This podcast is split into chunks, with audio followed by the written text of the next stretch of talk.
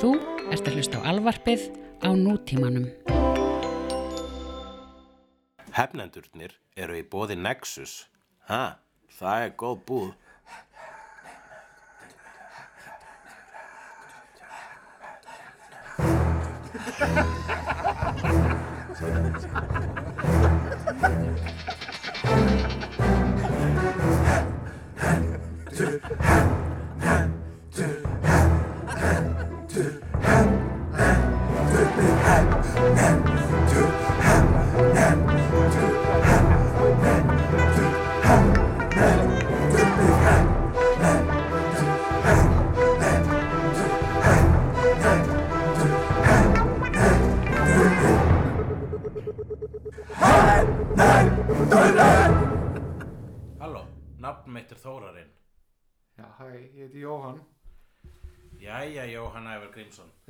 þú veist, það er ekki jafn svona sjaldgæft að fólk, ég meina ég kallaði Jóhann Ævar Mhm. mjög reglulega. Ég, ég var kallaði basically Jóhann alla, öll mentaskóla ára mín. Jóhann, Mm Ísland er land fyrir Jóhann. Já. Það er engin lög um Ævar. Uh, er ekki örgulega búið að Ævar vísindamaður búin að gera eitthvað svona Ævar, Ævar, vísindamaður kominn hingað til að skemmta börnunum ykkar með kvorki stuðlum í höfu stöfum bara staðrendum rýmer bull Já, ég man ekki eftir að hafa heyrt þetta lag. Nei. Nú, þetta, þetta er nákvæmlega, svona, svona byrja allir Ævar vísindamaður þettinir Er það? með þessu nákvæmlega þessu lag Nákvæmlega. Já, ég meina það er til um Hugleik Dagsson Mm. Það hlýtur að vera til lag um Jó, ævar Ef ykkur hann úti getur kannski gert lag um ævar Það verður fallegt. Mér þætti það fallegt. Ég ætna, í síðasta þætti, þá skildum við eftir, þá fórum við svona cliffhanger Já, sem ég veist aldrei sniðut að gera. Ég er ekki fan á cliffhangerum. nei, þið vorst ekki fann á kliffangar um Nei, mér finnst það, mér það, Æ, ég veit ekki, ég, Ég man nú eftir nokkrum kliffangar eins og þú hefur skrifað já, já, já, já, það er atrið. En það er til að mynda, sko, þú veist, ég fekk svona ákveðið óbeit á cliffhangerum því ég var að horfa á Alias, vegna þess að þeir voru alltaf. Ég man, eftir, svona- ég man eftir nokkrum kliffangar sem skrifaðar eftir að Elias hafði verið síndir Það skiptir engum máli. Mm.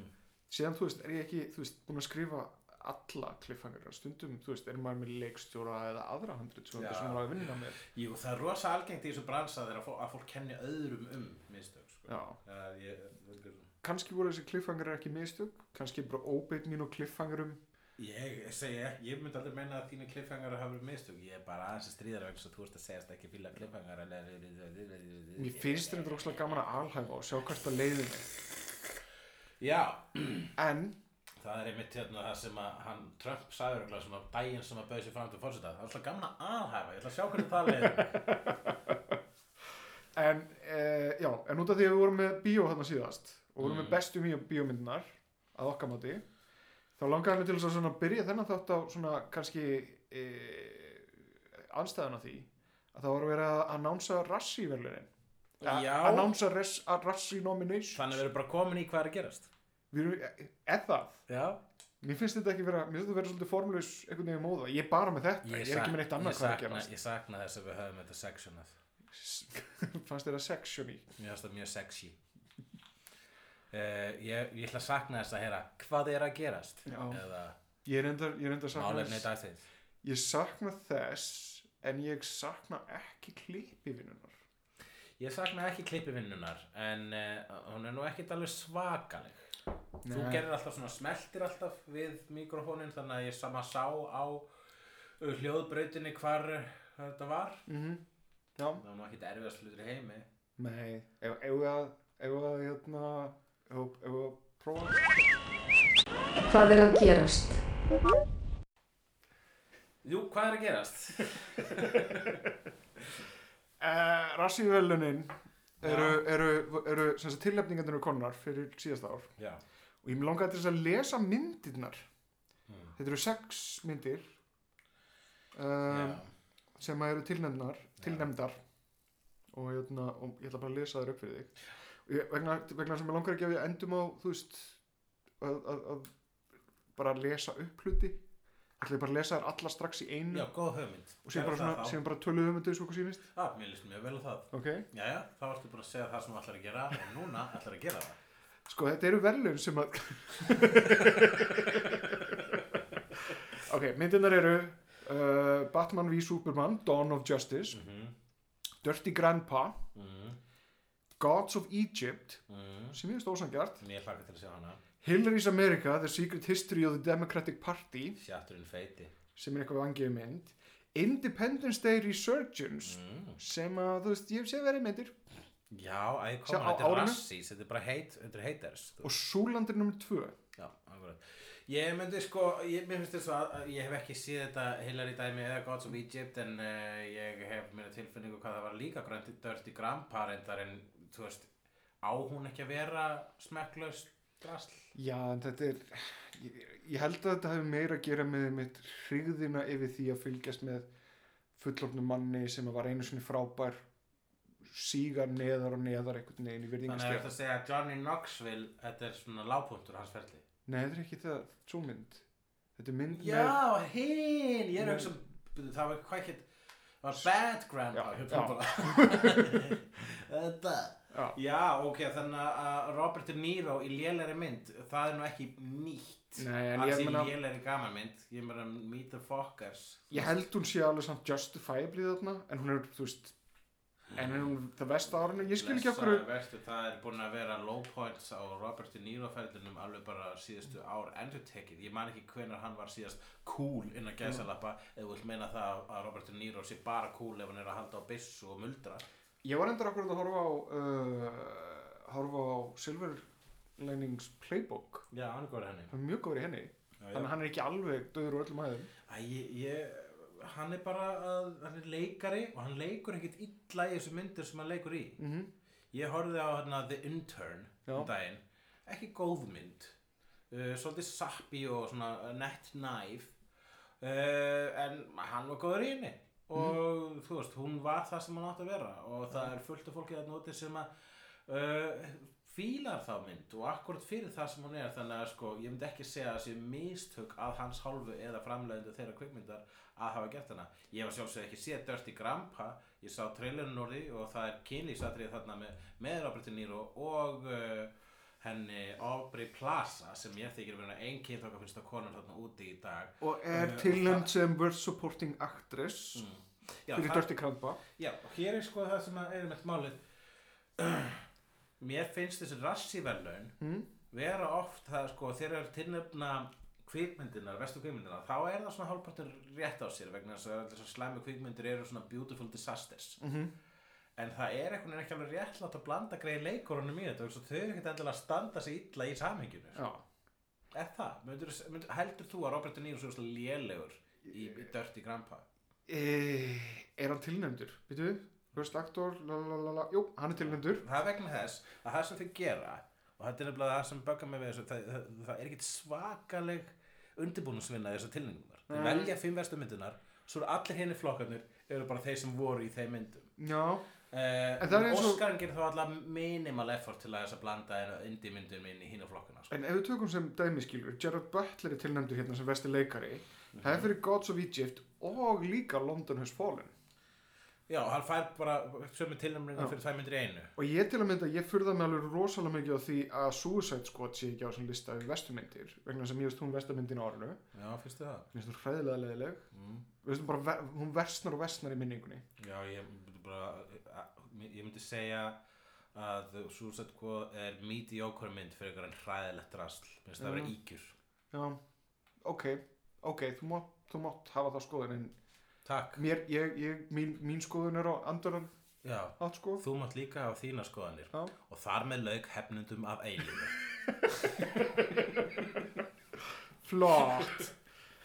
En eh, Gods of Egypt aftur á móti.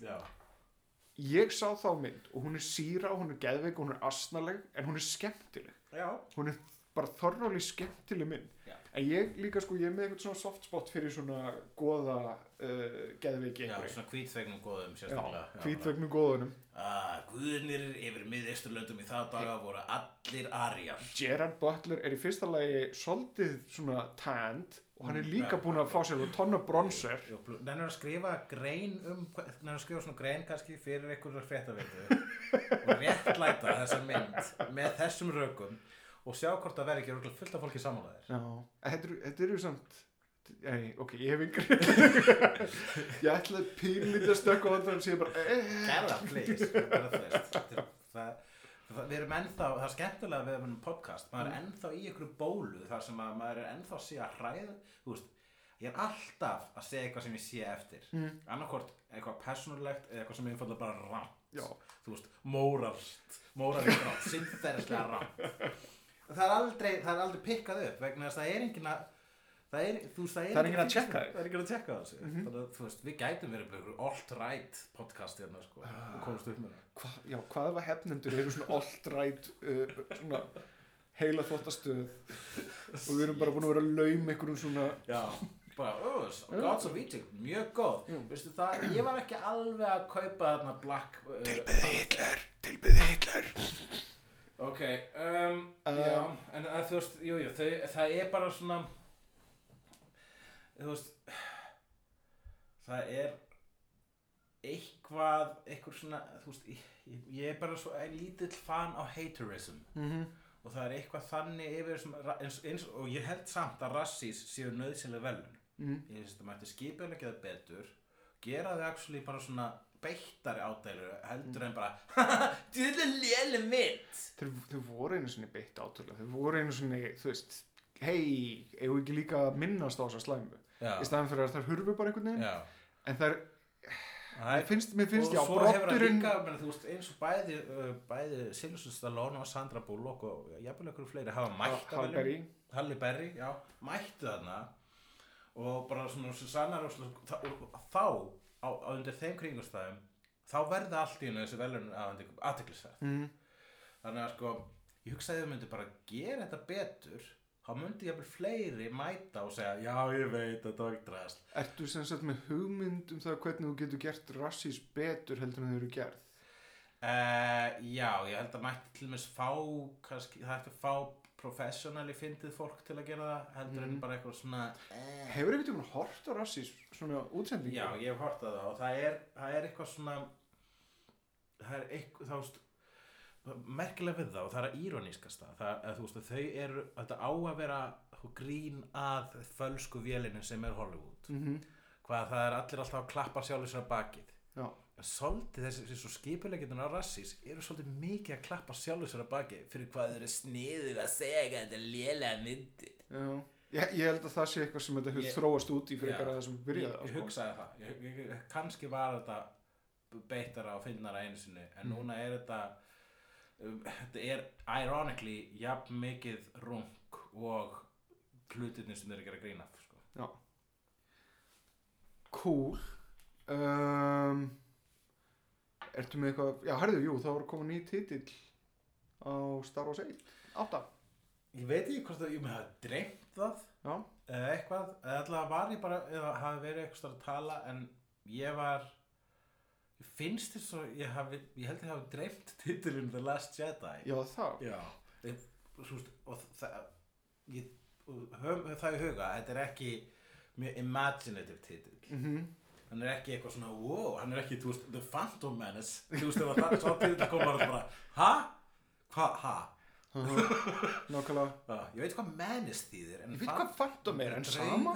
drauga pláan en hérna Hulda pláan.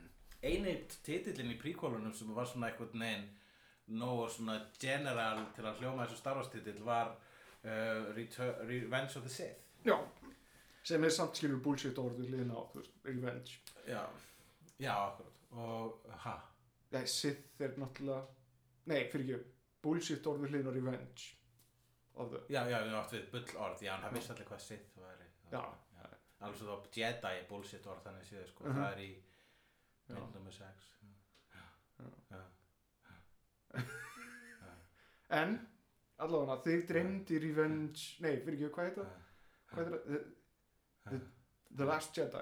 The Last Jedi. Ég svo mjög skemmtilegt mín þar sem það var, hérna, annarkvort dreymdi með það eða ég var actually eitthvað fullur að segja hún á öruglega eftir þetta Last Jedi og eitthvað. Eða að ég sé með svona falska minningur Mm.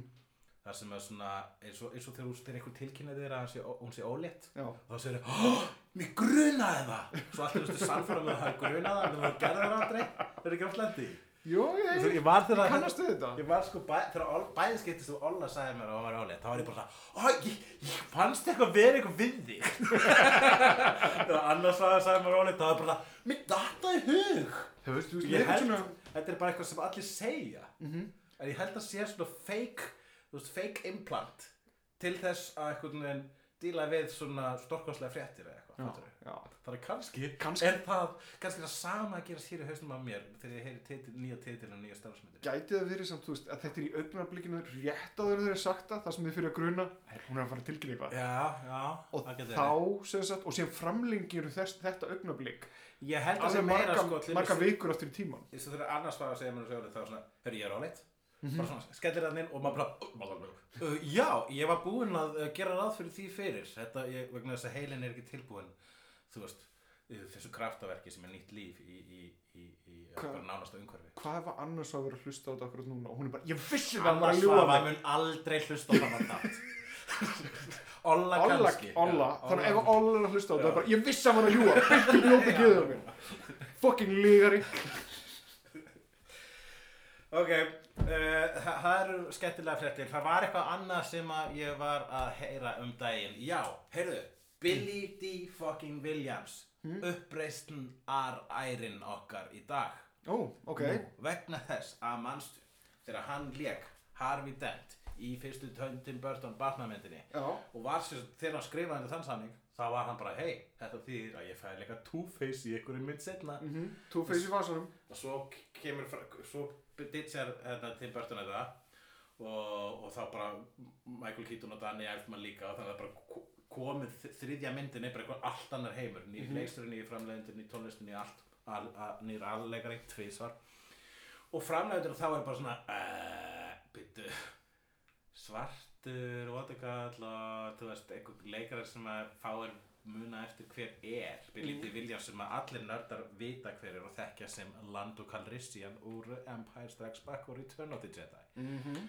en hann er hann fær loksins að leika Two-Face Ú, er það Batman Animated? Lego Batman Lego Yay! Batman Ok, nei, high five á þennan það er ógeðslega gaman það þýðir að þeir sem er að gera leik þú veist, ég er bara búin að sjá trailerinn og ég bara, þú veist, ég tek tilbaka allar efasemdir sem ég hafðum að væri til að ég var að gera góða Lego bíómynd vegna Mm. þess að fyrstulega Lego myndin var frábær. Já. En Lego Batman myndin lítur út fyrir að vera frábær rari. Mm og, uh, og Phil að Lord hafa- og Chris Miller eru bara menn sem ég treysti sko. Já, og þeir eru að fara að tróða þarna inn bara eins mörgum vondugullum að geta vegna þess að þeir geta vegna þess að þetta er Lego þú, get, þú þarft ekki að hald, þú, þetta er eins og að Hver- gera hver er Batman leika Joker? 66 nefnum að fýblast meira Hver er líka jókarinn? Sakkala fyrir Naki sami minnir Ah, hæ, mér minnir það það er skrítið það, er bara, þú vel, veldur fyndan, fyndir mann til að leika fyndir mann hm? Satt, Já, gott, gott move gott, gott, gott Góð speki mm. Ertu með eitthvað annað svona dýtt? Eitthvað annað sniðut? Eitthvað annað tít, ég, það eru, þeir eru að fara að gera Gotham uh, Sirens mynd. Já, Þessi, þessi mynd sem átti að vera standalone Harvey Dent mynd, Har Harley Quinn mynd. Já. Um, Já, verða- hún, hún, hún var búin að tala um það áður sko, hún, hérna, Já, við vorum bara að tala um það. Já. Og hérna, þannig að það er ekki búið að kasta í Catwoman eða Poison Ivy en ég fagna því Mm. að það sé að fara að gera, þú veist, fyrstulega DC með við, með við hvað er með buksutnir á hælunum. Það eru allavega svolítið að einbeita sér að hafa konur í aðal. Mm. þeir eru komið Wonder Woman sem er fyrsta aðal konu konumyndin. Konu ofurhetju myndin þetta er svona konu ofurhetja mm -hmm. og hérna uh, og það verður gaman að sjá síðan sko uh, ég held líka að það sé betra en Suicide Squad og þar fær Harley að njóta sér betur vegna þess að það eru þrjár personur en ekki átta eða whatever. Ég upplýði Harley sem, það var svona ákveðið stripping í gangi.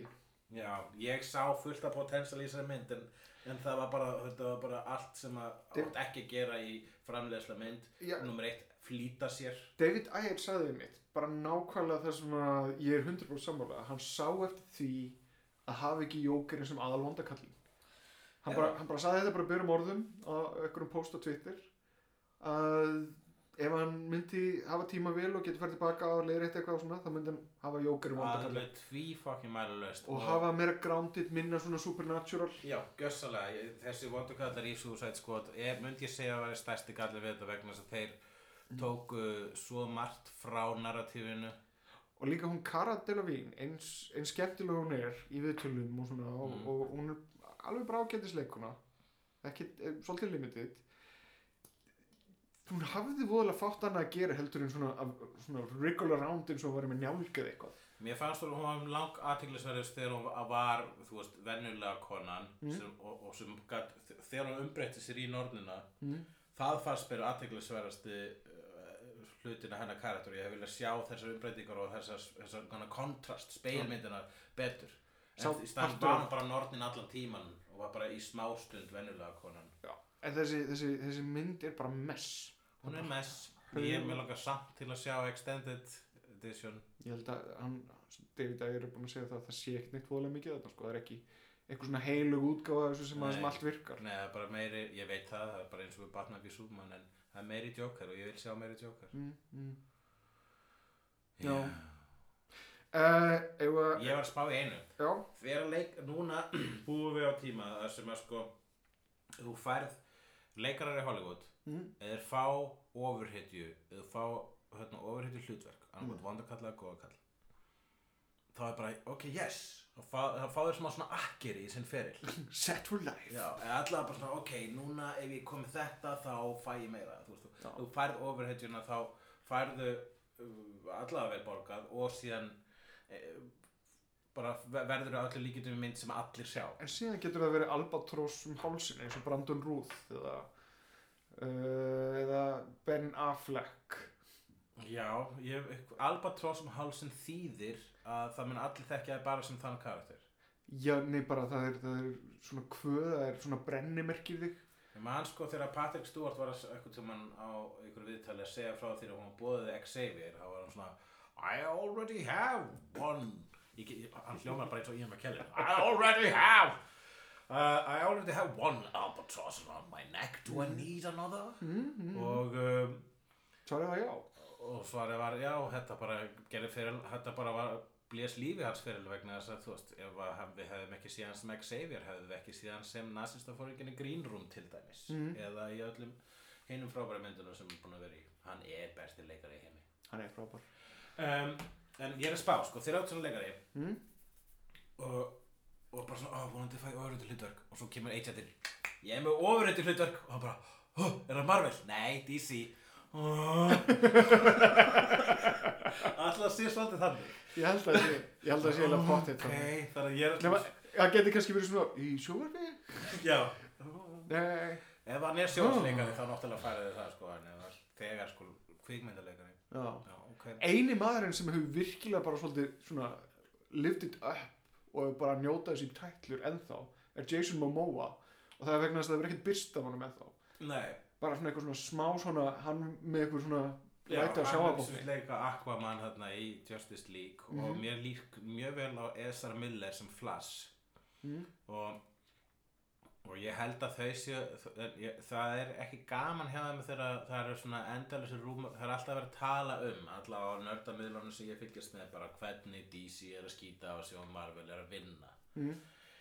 þetta hefur alltaf verið sko svo mikil hérna, þeir hafa alltaf þetta verið alltaf svo heiðarlega samkeppni svona nánast á milli þeirra tvekja þar að segja í myndasögunum. Já. það hefur alltaf hérna, our distinguished competition. Þeir hérna það, það Marvel í öllum alltaf í öllum hérna editorial pislum þá kölluðu þeir alltaf DC sögðu aldrei DC, þeir sögðu our distinguished competition. DC Mm sem ég fannst alltaf svolítið cool Sam, á sama tíma það var svona heiðarlegt svolítið svona orð sem að Já, ég var að reyna að segja frjálslega með með sko. gæsalöppum eða svona, reyna, eða svona semi allavega Já. heiðalegt allavega sko núna sko kannski setja svo- svona heiðarlegt Já, svona heiðalegt heiðalegt það er að segja ekki eins og heiða snirtir það, Mhm. er, það hefur alltaf aðra merkingu. Já. en uh, heiða góðu með modern vísanir Eh, við búum á nostalgíu tíma það mun allir fatta, já, hvernig var að endur gera það? Heiða snirtir það þarf að endur gera svona hneiksli heiða snirtir hneiksli reboot í þetta sinn Jared Leto sem heiða snirtir í sama búningu og hann var í, í Suicide Squad.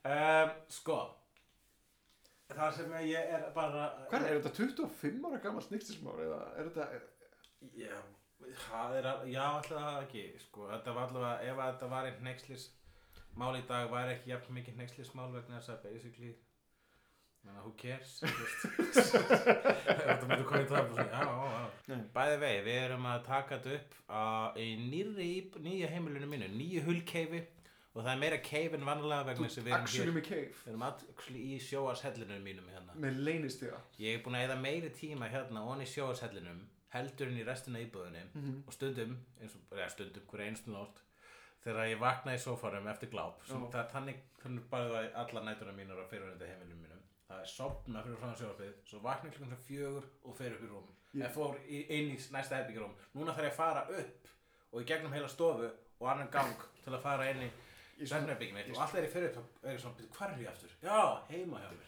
Ég er svona að sjá fyrir mér hérna, svona augnablík þar sem að fólk fyrir að leita þér eitthvað vegna þess að þú hefur ekki komið í eitthvað tíma vegna þess að þú ert búin að horfa svo mikið á vídeo. Brýst inn í íbúðina, það er myrkvað. Og síðan sést svona hausinu er kíkjast upp um gatið hérna. Svona sem úrmeldýr og síðan hleypur svona nakin rúmið.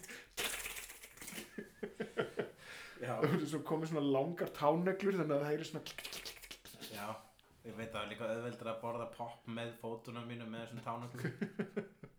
já, þú ert náttúrulega búin að draga eitthvað svona popvíl hérna niður líka. Þú ert ekki komið, komið það núna en Nei, Það er í næ, ég- það er aðeins úaf, sko. Gísli, Gísli Nexus, hann með poppvél hjá sínu bíói. Mér finnst þess að ég væri svona að reyna að vera gísli. fyrir utan það að þú ert náttúrulega í helli þannig að, þannig að ég held að það sé ekki sniðut að vera að safna upp fytu fyrir lykt, nei, Já. akkurat, sko. True, true mjög True that. ótrúlega bara fashion bara flottu staður Já, þakka það fyrir. Uh, þetta er útvarsþátturinn Hús og hýbíli. mm Þetta var, ekki góð brandari. negla Uh, Erðu, eigum við Ég ekki- var bara að segja brýr, þegar hlutverkið, þegar hún fekk Captain Marvel Mhm. mm. þá uh, þá sagði hún bara "Ú, hver er það og þá held ég að agentin sagði bara taktu því vegna þess að þetta, þetta, er Mar þetta er Marvel, Vel. þetta er ekki DC þannig að þú veist, það er bara, þú veist, þú munt fá öfri til hlutverk og freka taka Marvel heldur en DC ekki kaftir fucking DC En eh, DC hefur ennþá séð svo að björga sér. Til dæmis þá, og, og, veistu það, ef að Wonder Woman verður slæm mynd Mm. mun hjarta mitt brotna smá.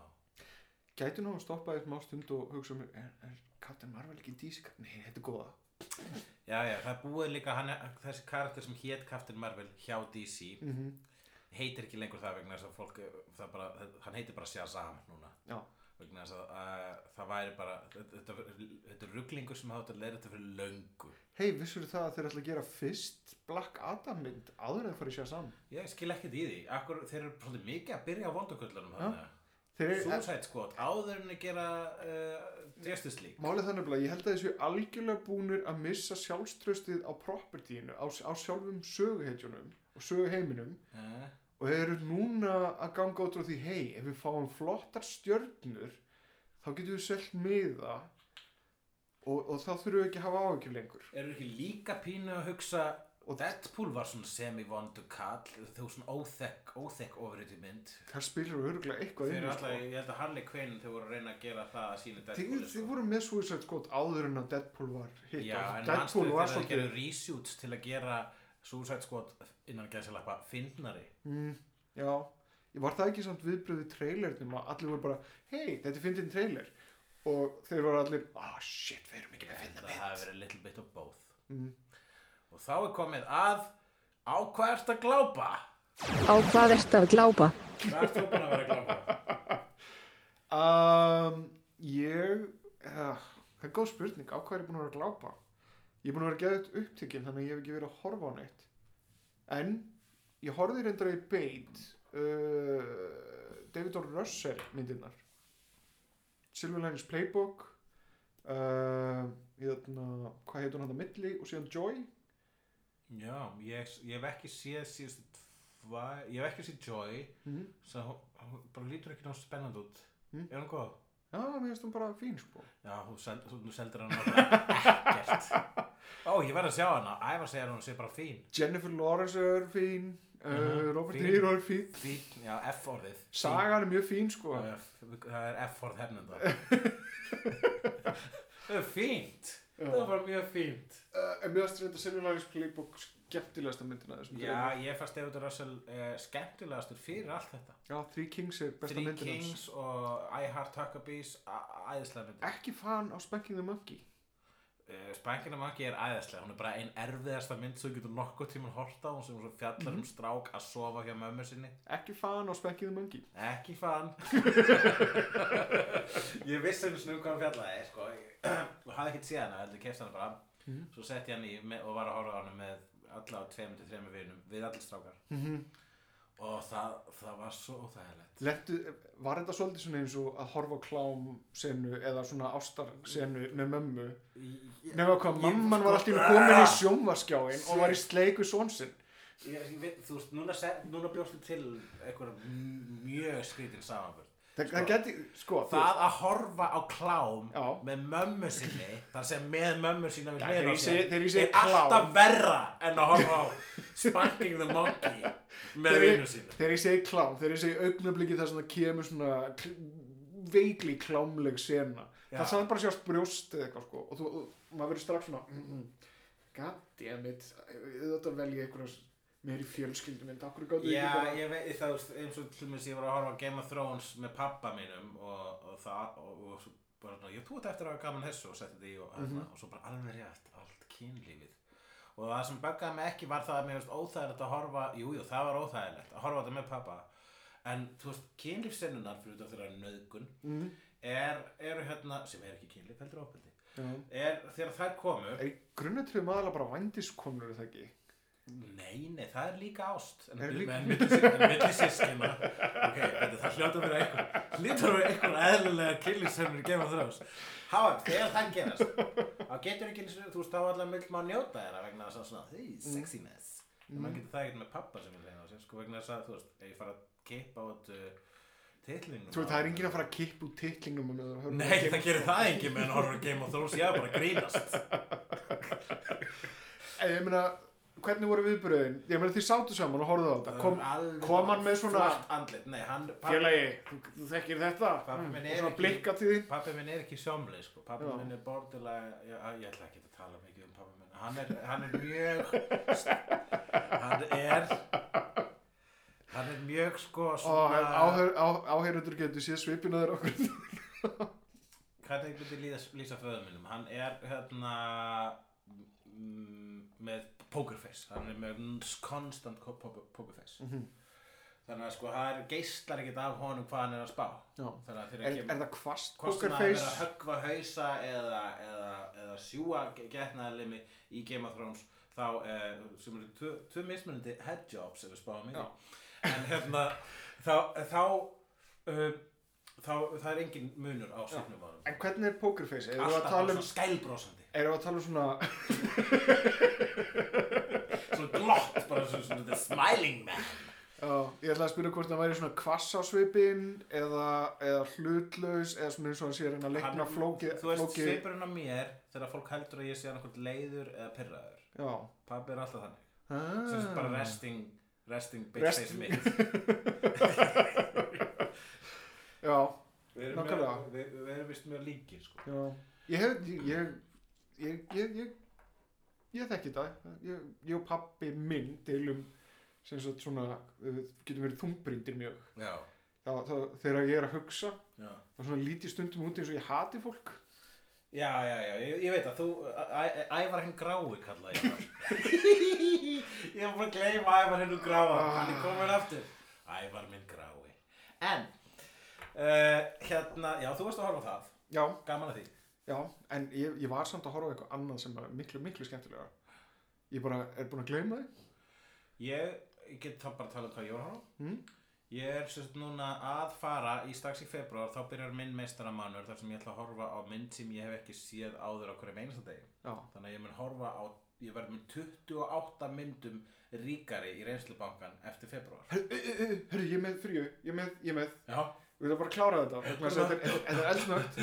Ég er búin að vera að horfa á nýja QI þar sem að Sandy Toksvik tekur yfir. já ég, Og ég fíl hann að Sandy Toksvik. ég, ég vissum að sé að standa svo vel en ég er bara, þú veist ég bara, Stephen Fry er ástæðan ég horfði á Já, en Sandy, Sandy Toksvik er bara helviti solid. Já, en er hún Stephen Fry svolít? Nei, en pælti því að, þú veist, myndi eftir læginu með, jötna, með uh, Britney Spears, Toxic, Mm. þú getur sagt Toxic þar. Já Ok, það breytir öllu Já. Það breytir nákvæmlega öllu Ég veit ekki hvað ég var að spá Ég hrækja á Stephen Fry En hérna Þetta er bæði betra, skilur við. Þetta er, þetta er Honey Nut Serious. Ég ætla að gefa þessi sens Ég bara er ekki búin að tjekka á þessu Mm -hmm. En ég meina þa- þættirnir eru nógu drullu góðir og þau gáttu náttúrulega ekki tekið allt stafrófið með Stephen Fry en, Mm. mm. en ég meina Stephen Fry er einn besta sjóarspersona þarna úti þar að segja hérna, sjóarspersonuleiki er ekki að kalla það þarna úti og, uh, og ég er mun þar þurfa nokkur önnur skipti til þess að muna nafni á Sandy Bloodstick Sandy. Toxic Hún er, hún er að dönskumættum, Ah, Toxic? Toxic. Og, hérna, hún kemur með svona ákveð spinn vegna þess að, þú veist, hún er bæði kona og sem Ú, lesbía. hvílíkt spinn Þegar ég veit það nokkulega, þeir, hann, sko hún er lesbía, þannig að þeir, Ú, þau, eru, þau eru bæði Stephen og hún, skiluru, uh, hinum með yfir stakkitið. En ég, mm. e, og ég meina þú veist, það informira nákvæmlega hennar nálgun á sem að, sem að, Þannig að hún er með lesbíska, er lesbíska nálgun í sumum svörunum og kvenlega nálgun og nálgun. og líka skandinaviska nálgun. En þannig að... uh, Þannig að þetta, þetta er allt saman hluti sem hennar persónleiki kemst í gegn. Þegar þú horfur á Tan- Tandy Foxleik uh, vera með sitt dót. Hún er ekki alltaf bara, þú veist, herðu, já, ég sem lesbía. Já, Heldur meira svona það eru eins og þegar spurningar. maður er Nei, það eru svona eh, meðvitundum ákveður svona ákveðna hluti sem að koma inn, skilur. Já, en eftir að segja, sko, þegar þú horfur á hana með sína nálgun, Hmm?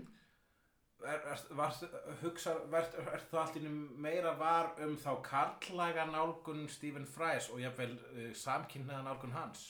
Nei, ekkert sérstaklega. Þetta er 95% ennþá bara, þú veist. Nei.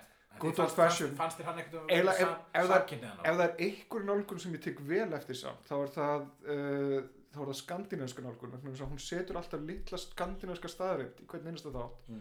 sem að hún kalla svona random Scandinavian eða randi skandi og í jólaþöttinu þá er hent hún jólasögnum okkar.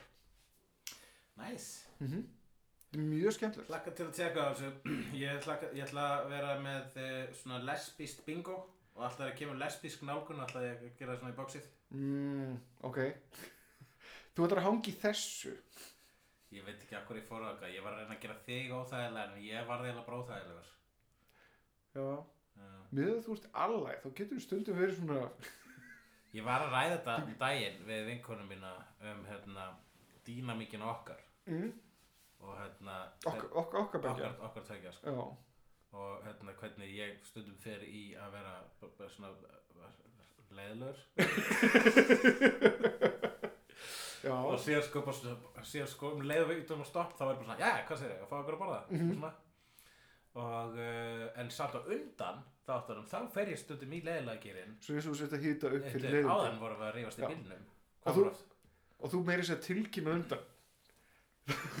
Jæja, nú ætla ég að vera vondur og leiðilegur til, þess- að komast í En stemningu. meina, hversu leiðilegur er ég? Fyrsta lagi, þú ert þú verður aldrei sár ef neins ég segi Nei, ég, ég orðin svona frekar vassaldur í þessu litur. Já, Er, en ég hérna, en hvaða vinkona? bara vinn vinkona Hæ? Alla, þá er komið að uh, hérna, já, ég ætla að segja hvað ég var að glápa á Já, fyrir ekki. Hérna mm, Ég var að glápa á mynd sem að þú settir á hérna, topp bestu myndir uh, hefnenda Já. Hunt for the Wilder People Já. Segðu mér, hvað gerir hana alveg á topp myndum ársins? Það er svo dásanlega hjartalega og falleg. Ok, góð rög, góð, I guess Þú, þú varst ekki jafn uppbyrjun og ég Ég bjóst við allavega frumlegri mynd. Ah, Ég bjóst skil við að þetta var eitthvað nýtt vegna sem hún, var sko, hún er á í fyrsta sæti hjá Empire yfir bestu myndi ársins. Empire Magazine sem er, þú veist, það er eitt að fá sko, ég fer þangað til þess að gaggrinni Já. og uh, Þetta, það, ég, mér fannst mér fannst þú sko þú veist, hún er, það er mitt, hún er rosa hjartalí hún er fyndin, þessi krakki er alveg bara phenomenal og þetta er bara sætmynd Mm. en sagan og konseptið og allt séð hundra sinni maður og ekkert merkjart við það. Það er nú samt alveg element þarna í uppbyggingin á sögunni sem að sérstaklega í fyrsta þriðjungi sem eru, eru svolítið svona fyrsti þriðungur, hann er e- e- eiginlega bestur sko, Mhm. síðan restin þá er þetta svona, fer þetta í uh, hérna en ég nefnilega sko, í- fyrir mér á, þá, þú, þá er þetta bara svona on the run comedy. Já, já ég meina þú veist, það er alveg sagt að þú veist, er þetta, er þetta fersk saga? Nei. Nei. Er þetta góðu nálgun? Já. Stækkaði hjartað þetta með eina stærða með þú horfður á það? pínu þetta er mjög góð rauk þannig að svo lengi sem að mynd er með nógu stórt hjarta Mm. þá þarf hún ekkert endilega þá þarf hún ekkert endilega að hlúa að uh, eitthvað að vera groundbreaking. Mm Ég líka kólefnisjafnaði þetta líka svolítið með L vegna þess að hún, hún þú varst búin að horfa á L saman kvöld jafnvel? Ekki sama kvöld reyndar. Nei, Nei, nei, það, það leiði alveg sl- sl slatti tíma á milli. En það, það sko það, það er myrkur, þetta er ljós. Ég er bara að býða eftir að L komi í bíó ég, mm -hmm.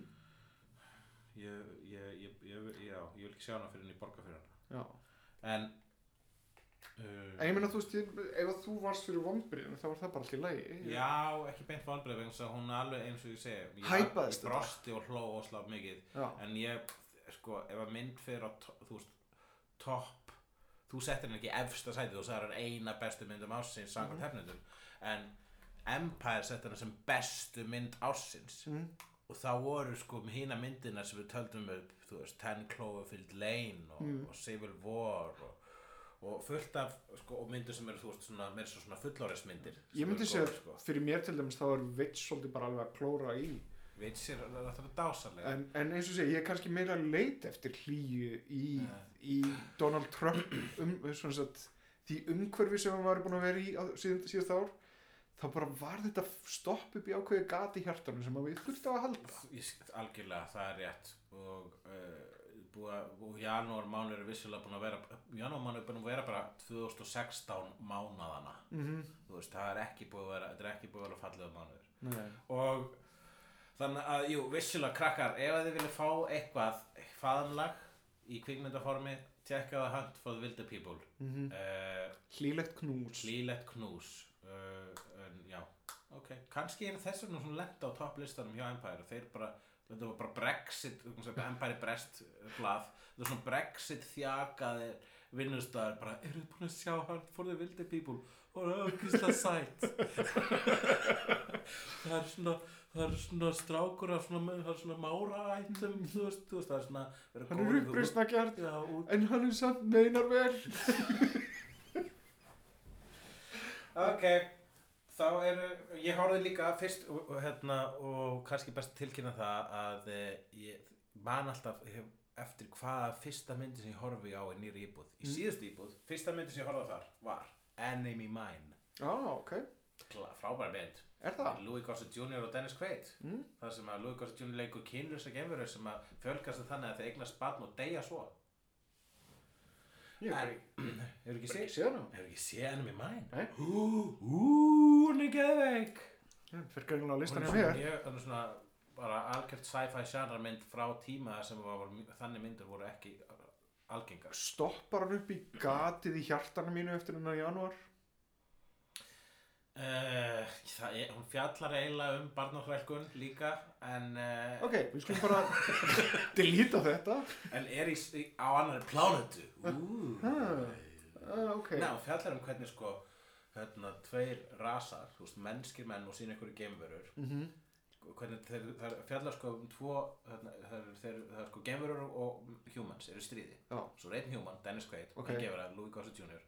brotlenda plánutu Lítið það samt eins út er þið með eitthvað svona Nei, hann þið er bara aldrei litir? hann er bara fullur full make-up hann Ok. gott, sko. og, og þeir verða síðan neyðast til þess að vera vinnir Hm. og vinna saman þannig að þetta fjallar um það finnst eins og ég ætti að vera búin að sjá þessa mynd já, mér skrítið varst ekki að sjá hana hún er gleikstaður hérna grafin í djúpminninu sko. Já. en uh, hver var fyrsta myndi sem þú horfður á hér? Hannibal hæ? Huh. Nei bara Hannibal framhaldið af já, Silence of the Lambs. Ég við erum að tala um Ridley Scott útgáfana Ridley Scott já, Já, re- nei ekki Ridley Scott útgáfana heldur bara Ridley Scott myndina. Já, er- Hannibal. er ekki til önnur Hannibal Já. til Hannibal Rising sem ég sá bara endin á Ha? uh, er og hún góð? hún er fín. Já, uh, sko hún er ekki ab solid þú veist sem spennumynd sem saga. Mm. hún, hún fer ekki jafn flawlessly áfram og Silence of the Lambs. Já, miklu meira svona einhver contemplation og allt öðru þessu struktúr til dæmis öll miðjan er bara með allt í einu öðrum al karakter. Fjallar um einhvern ítalska lauruglumann þannig að struktúrali þá er hann óheðbundin og þar að leiðandi fann plús fyrir það. Uh, en uh, fyrir vikið verður hún sko bara svona allt öðruvísi mynd en Silence of the Lambs sem er eld- heldur ekki gall þegar kemur að framhaldum en það er gaman þegar það er öðruvísi en hún er hins vegar miklu minna spennandi. Ég las skáldsöguna og veistu þetta var bara Thomas Harris cashing in sko. A- það er bara stendur nánast framan á myndinni. Mhm. hann var, þegar að skrifa hana var hann ekki að gera framhald af bókinni sinni hann var að gera framhald af bíómyndinni. Stefan Pálsson kom með status um þetta bara núna í dag. Mm. að uh, mesta one hit wonder allra tíma hlýtur að vera Thomas Harris. Hann er búin að skrifa fimm bækur og fjóra þeirra fjall um Hannibal. Já, ég meina sá hvað sem að- heitir þarna Benchley eða eitthvað svoleiðis sem hann skrifaði Jaws mm? eftir að Jaws var frábær Já, hann hefur skrifað samt fleiri bækur er það ekki? Já, hann skrifaði bara sjáardýra myndir eftir það. Já, en það er hann samt gerir kolkrabba hérna, bók Mm. gerir síðan aðra hákallabók þar sem að hákallinu voru genetically altered og gott að labba á landi en við erum að tala um skilja output upp á fimm bækur á 30-40 árum já, já, ég það er ekki, mi- það er ekki prolific sko Nei, erum við að tala um Bensley núna eða Harris? Harris Já, ok. Já, ména, þú veist, þetta eru bara bækur með stöðum, eitthvað sem ég veit ekkert um. hvernig var hérna að borða heilan atriðið er það ennþá Það er það sem að mér Icky. finnst mest cool við þessa, sko, og fyrstulega, þetta er eitthvað skottmynd þess að lukkar hann eins og maðurfakkar. mm Uh, og svo eru bara, þú veist, eins og nördarnir í League of Gentlemen myndir þú segja, how many killings? -hmm. Það eru nokkur killings, það eru þrjú awesome killings. já, og það er sem sé hérna uh, það er hérna þegar hann hengir í ítalska lauruglumannin Mhm, og, og nákvæmlega. neflinn fara út úr hann ógíslega flott og svo þegar þeir henda hérna andlitslausa mannunum hans Gary Oldman sem er æðislega karakter ég vissi ekki að þetta var Gary Oldman það var ekki fyrir en ég sá Gary Oldman. Hæ? já, hann, hann Gary Oldman er náttúrulega bara fullkomin leikari. Mm -hmm. og, og einmitt fyrir öll þessu hlutverk sem hann bregði sér í. Og, og þegar hann er getinn af svínunum lifandi æðislegt, það hefði maður meira að sína bara betur. Það hefði maður bara fara meira í góruð þetta var bara fyrir þá gór bylgju þetta var fyrir gór bylgjuna mikla sem var hrundiðast af í Japanum og frak, frökkum. Á svipum tíma kom Snatch og ég var að hugsa, ég man eftir að ég hugsaði svínin voru meira skeri í Snatch þótt að þið voru ekkert að borða neitt fólk. Nei, var bara þau voru máluð fallegri litum einhvern veginn. Svínum voru meira skeri í snats og þess að vondikalli heldur svo fallega ræðu um þau. það var bara í handritinu sko, Já. í, í tal, díalóknum sem að gerði svínin í snats meira skeri og svo síðasta killið er náttúrulega reyli átta án þegar að að vera að geta sinna eigin heila mm -hmm. látin í geta sinna eigin heila og sá, sáum hann aldrei deyja reyndar en þú veist hann er svo gott sem döður Já. og og sá karakter var sko máli var að þá hann áhörundin var búinn að fá svo margar ástæður til þess að hata hann að það var næstu bara, þetta var komist eða of auðvelt bara, fólk var bara, já endilega ég þetta er heilan aðna hvern hatariðin vegna þess að hann er algjört asshole í myndinni. Aha. og, og sem er bara svona, það er bara frá upphafið bara svona shit, þessi maður á eftir að deyja hræðilegu döðdag herði, ég var endur að muna eftir öðru sem ég horfði á. Ég horfði á Toast of London þriðja sísón ég er bara búinn að horfa á fyrsta. Það eru frábæri þættir þið er bara vex með hverju sísónu ég lakka til að horfa það Mhm. lakka svo mikið til en hei, fyrst að við erum að tala um sjónvastátt en hei Uh, og ekki að fara í uppáhald sjónvastættin okkar árið 2016 Málefni dagsins. Jæja, ert þú með listan tilbúin? Ég er með eitthvað þætti hérna að skrifa niður hjá mér Vilt þú byrja það og ég að byrja? Ég skal bara byrja, elsku kæri vinu minn Mér langar aftur til þess að minnast að það vegna að segja með þessum glósu hérna okkur á listanum mínum að mér finnst kuthulli vera, vera eitthvað sem að ég, ég, ég ætla að fara að nota. Kuth, Já. Kuthulli Ævar minn grái, það máttu vel Kuthulli En hvað var þú, ef þú, ef að ég eitthvað þulli Mhm. Hvað var þinn svona hor, þitt horrornafn? Ég veit það ekki. Æ, æ, Ævar Kam horror. Ævar Kam Sæ, Silent Nei. Æ, æ, æ Nei, þau- ég, get ekki ég get ekki fundið neitt sem að er jafn patent og kuthulli Já, ég veit það, það, kemur. Jarðabor, Mm. endilega komið upp á stungur þeir kom aldrei með upp á snúkur Þeir gera það aldrei. Nei. En við, reyndar var spurning sem við fengum þarna um daginn sem þurftu kannski að svara. Ef við gerum það, Já, nákvæmlega. Ef við gerum það eftir uh, Við þurftum meira helst að það undan. Nei, gerum það bara í næsta þetta Ok, hérna kæri vinur sem að spurði okkur um hvað mér finnst um það sem er að gerast í DC og Marvel myndasögur Hann á sér nafn, hann heitir Hallberg. Hallberg.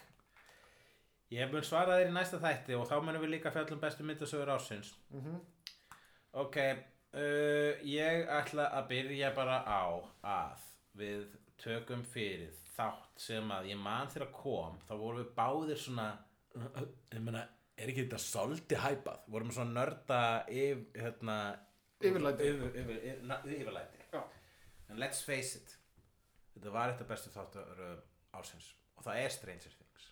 Já, hún er fín.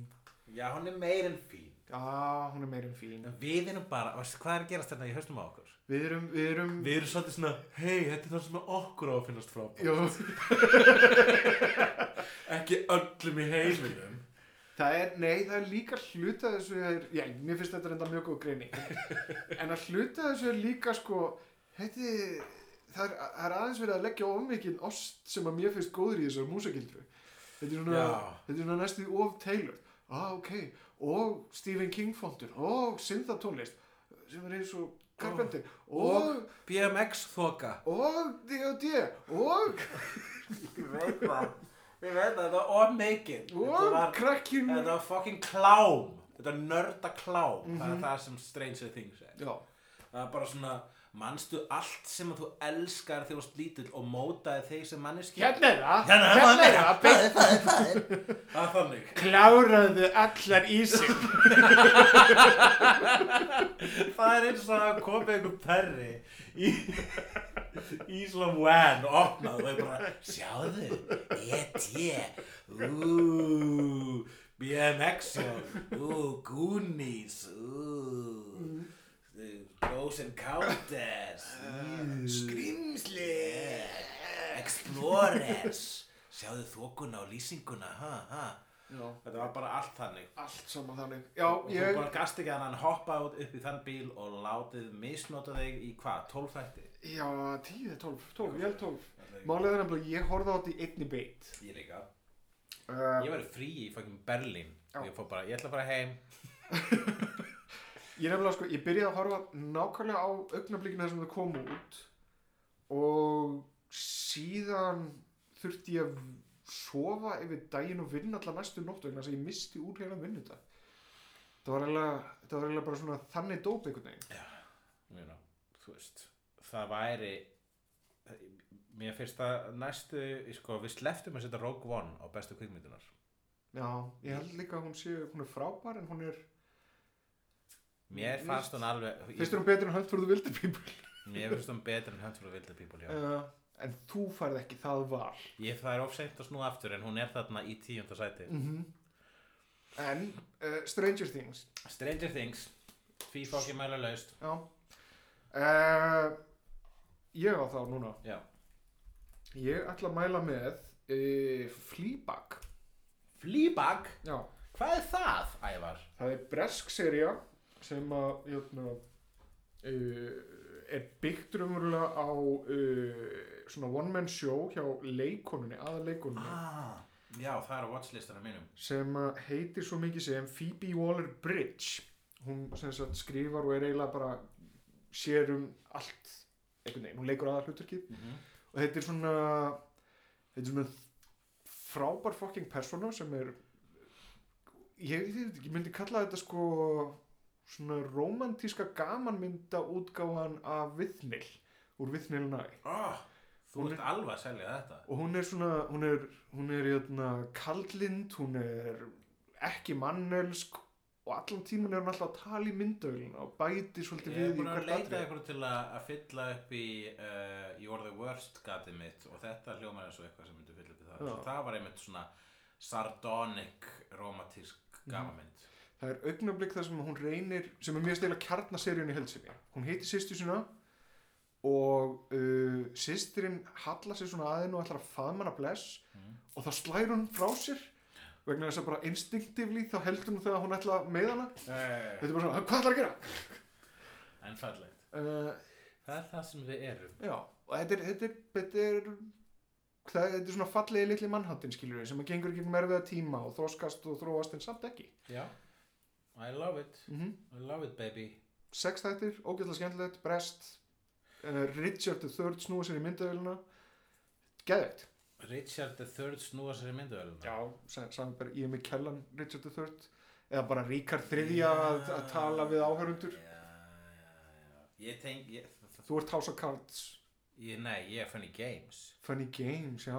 Þegar fucking assholeið fylgist með fjölskyldunum hverfa, kveljast Mm -hmm. snýr sér síðan að okkur og segir það er þú sem ítt að play. Svo mynd maður hún refsar þér fyrir að vera að horfa á ofbeldi. Þetta, þetta, þetta er samt ekki sama eðlis, hún, Nei, hún nei. stoppar til þess að halda svona litla monolóka og útskýra skilur attitude. Hún, hún, hún svona innir monologarar byggt í andlita þér. Akkurat. Þrítur fjórða veggin fjórði vekkurinn löngu brotin maður. En Fleabag mæli með henni alveg í tællur ok uh, þá ætla ég að segja þætti sem að ég er að bingja núna og ennþá eftir að sjá mér þess að síðustu þættina í en er bara strax frá fyrsta þætti það eitt af besta sem að ég síðast ár framleiti og þetta er míniserja frá HBO sem heitir The Night Of. Uh -huh. og er meira að sko, þetta er glæpaserja mm sem er eitthvað sem ég horfi ekki mikið á en þú veist, málið er alltaf þegar kemur góð glæpaserja þá detti inn í það nema þá ég er mjög erfitt með að sækja slíka þætti sækjast eftir þeim vegna þess að ég vil þú veist, eitthvað yfirnáttúrulegt eða sci-fi eða horror eða eitthvað. En þetta er bara straight up ultimate sober alveg bara grákalt realist uh, uh, nútíma æventýri, ekki eins og æventýri heldur bara saga úr úr glæpa Hræð, hræðlegu glæpur er framinn uh, og við fylgjum eftir dómsmálinu. Já, alveg bara sko og það tekur eins langa tíma þarf að taka. Já, hvert einasta hræðilega, leiðilega skref sem að slíkt tekur og sko, og ég, mér var að hugsa til, þú veist, og hérna talar verndar einstaklingur sem hefur ekki lent í neinu. Þegar ég fór til bandaríkjana og var of sko segja tipsy til þess að vera hérna, sannfærandi. til þess að vera sannfærandi eðlilegu maður sem mætti fara í gegnum uh, vinur minn held alltaf að, hann, að þetta væri everybody in the clubs getting tips. Í Já, tipsy Það var- Þetta, þetta var kanadíslæg Everybody in club getting tips, eh? tips ei Um, og þá Já, það, þegar ég var hérna, settur ykkur tímann svona í pínu bjúrokratísku uh, kerfi þar sem að var, var tala við mig eins og var í eins skest á þig, hvað gerður þú? Ég bara var uh, of hérna Varstu alveg ára almanna færi? Nei, er ekki Hvað er? Hlustar ekki Australia?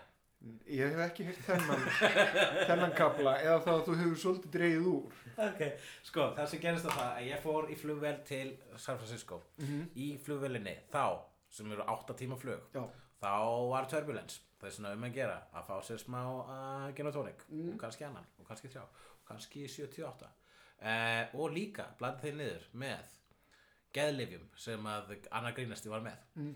þannig að alltaf góð hugmynd. Já, já, svona Xanax heitir það, eða eitthvað Já, og Róand og vín, það er alltaf, alltaf sniðut Það er bara, þú veist, solid. Vín mm uh, Not ideal reyndar vegna þess að ég uh, síðan þegar við förum í gegnum hérna uh, hérna uh, kerfið uh, security kerfið þá er ég apparently ekki nóg lítið ekki út fyrir að vera eðlilegu maður.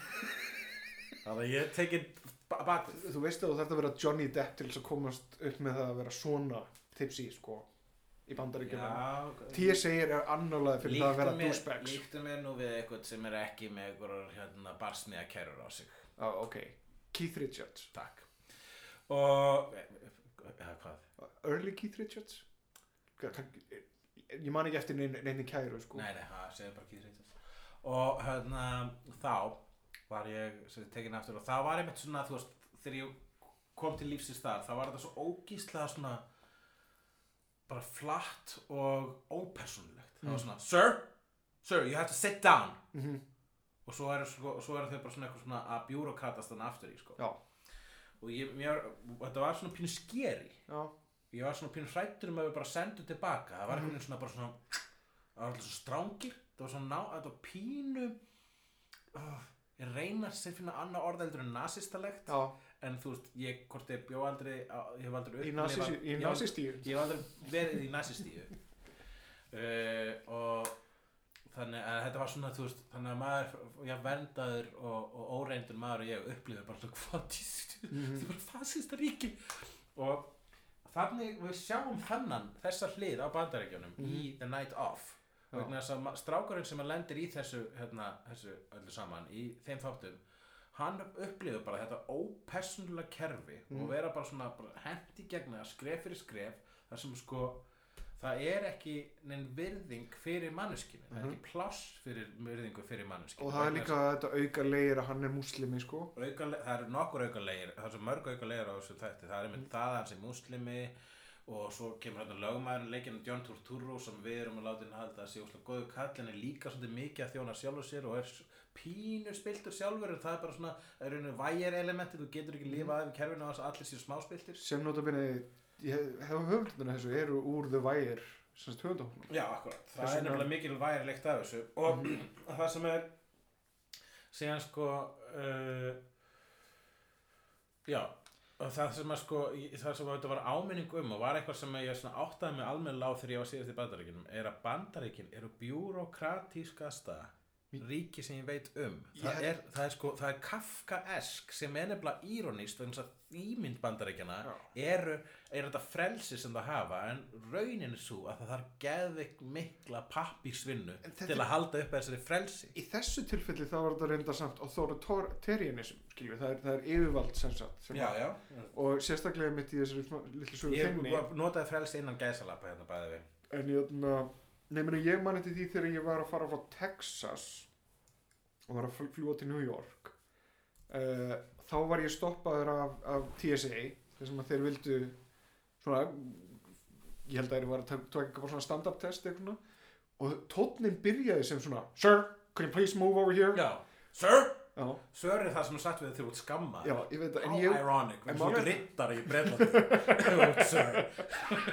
Ég aftur á móti ég, ég, ég held svolítið kúlinu og var bara svolítið svona þú veist, já, já, ok, ekkert mál og var bara svona frekar vinalegur og það mýktist attitúti þegar hún fannst, að- fannst þetta að vera safe. Mhm, já, þannig að þetta er, þetta er bara svona default setting sem er hægt er að tjúna niður já, já. ef, að, ef að hann ef hann líður eins og hann hafi kontról Já, bara smæl, maður bara brosa. og þetta endaði bara með því að ég var að mæla með því já, það verður að kíkja á Alma Draft House þeir eru með geða eitthvað myndir. Og tjekka og lettir rætt hún inn hún er frábæður og bla bla bla.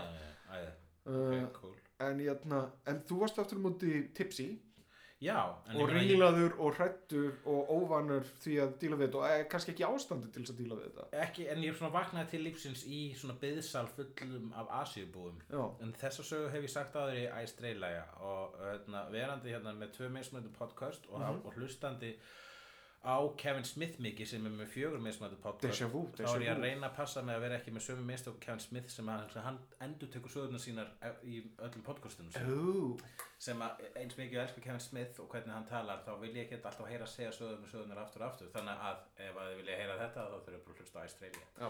en ég ætla að fá auðlýsingar frá þér núna meðan ég fyrir upp og sæki drikk ok. Eh, hérna, herðu, nennur nokkuð þá líka ná sem sagt, uh, við erum í búði Nexus, Nexus er frábær búð, hún er í Nóatúni, uh, mér finnst, uh, já, ok, ég, ég veit eða ekki hvað ég á að segja meira, uh, já, ok, þið heyrið það ekki, en hann, hann hulli er að reyka eftir því að ég segja eitthvað meira, en hérna, Nexus, Nexus svolítið ól mig upp, þá ég kefti fyrsta D&D mitt þar uh, kynntist svona fyrst stóru góðu myndasjónum þar.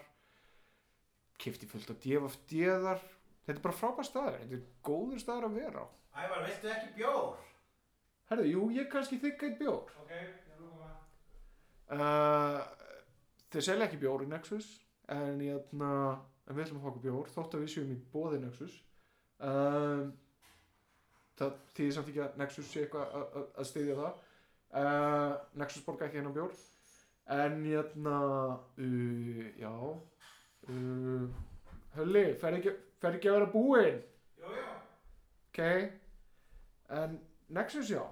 Við þurfum eiginlega fleiri styrtaraðilega ef við ætlum að ekki, þetta? kannski ekki fyrir, bara þú veist, ef- Þú veist, ef Hef- ég hef ekkert að auglýsa fyrir utan- Bestu, bestu konu í heimi já, Mundur þú veist, vilja fá aðra konu?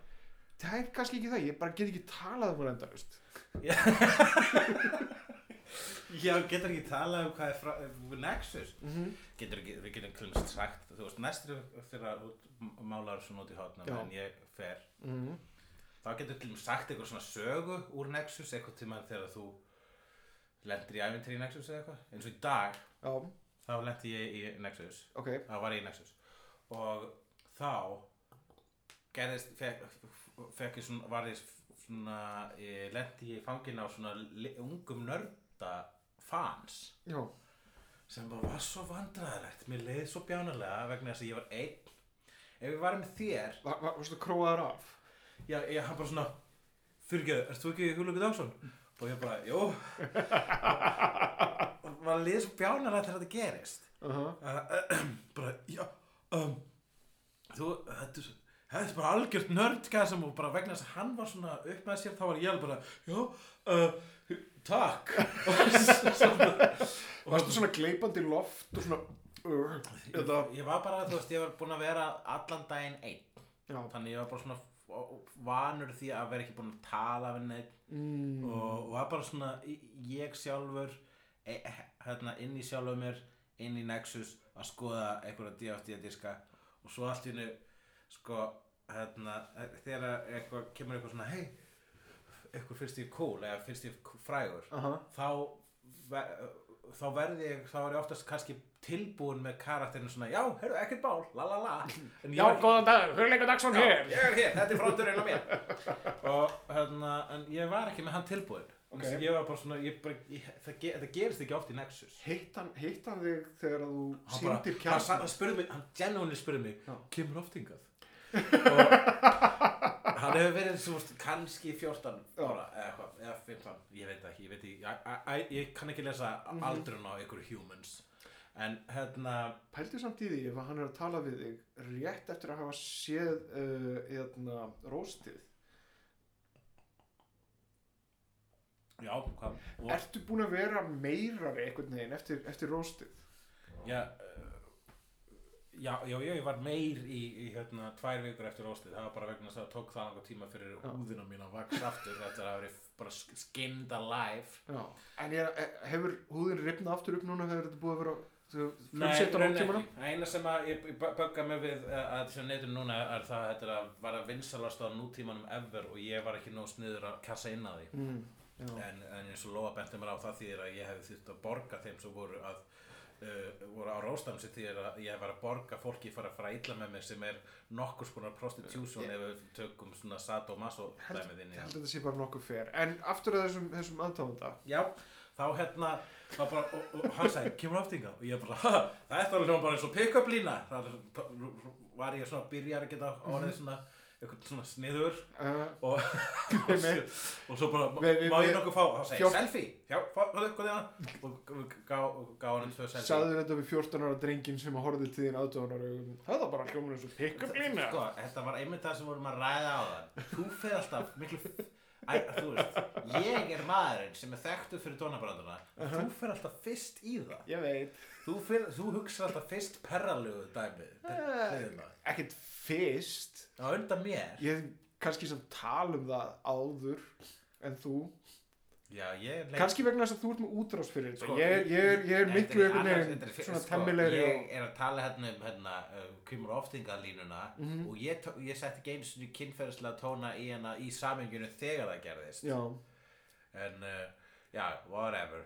Ég, ég nú kannski aðalega bara meina það að þetta getur, getur hljómað awk- awkward já, ég, æ, en þú varst ekki awkward í augnablikinu þannig að þetta er alveg voru- point sko. tveir svo lúðarlega lúðar að kynlíf flúði land á meðan þetta atriði gerðist. Allt sexy flúði land vegna þess að þetta var svo ógislega kynlaust. Þannig að meiri sá þegar ég sagði er þetta pick-up lína? Þá var ekkert sexual við það. Mhm. það eina sem að gera þetta skrítið er að við erum ennþá að tala um Ég, nei, ég bara, málega það, fyrir mér er nákvæmlega þessi lína er svona augnablik í Father Ted eða, eða Black Books sem að væri mjólkað eða, eða IT Crowd sem væri mjólkað alveg í 5 mínútur. Allavega, hann segir, kemur aftur eitthvað ég sagði, er þetta pick-up lína og svo þegar, voru, þegar við vorum búinir að sofa saman Já, þá kom vinur hans. Ok. Og ha- hann Nei, ok, allar, svo stutt eftir þetta, komu hérna vinnir hans og, og bara hann eitt segir bara, hei, Hugningur Dagsson, hérna, ma, þú mannst það sem er, og svo, te, svona, hérna, ég bara, uh, svarið mitt, ég veist, ef ég væri í leiðilögskapi hefði sagt, auðvitað ekki, ég man ekki til neinum, mm.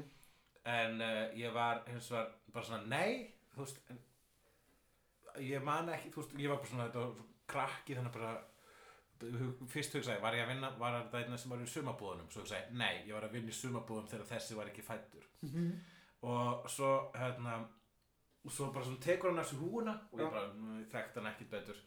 Bara ok, ég skal sína það mynd. Og svo sínda hann með selfie sem að við hefum tekið sem að hann sem að það tekið með mér einhver, á Star Wars fórsynninguna held ég. Ó, og hann var hann málaður eins og Darth Maul.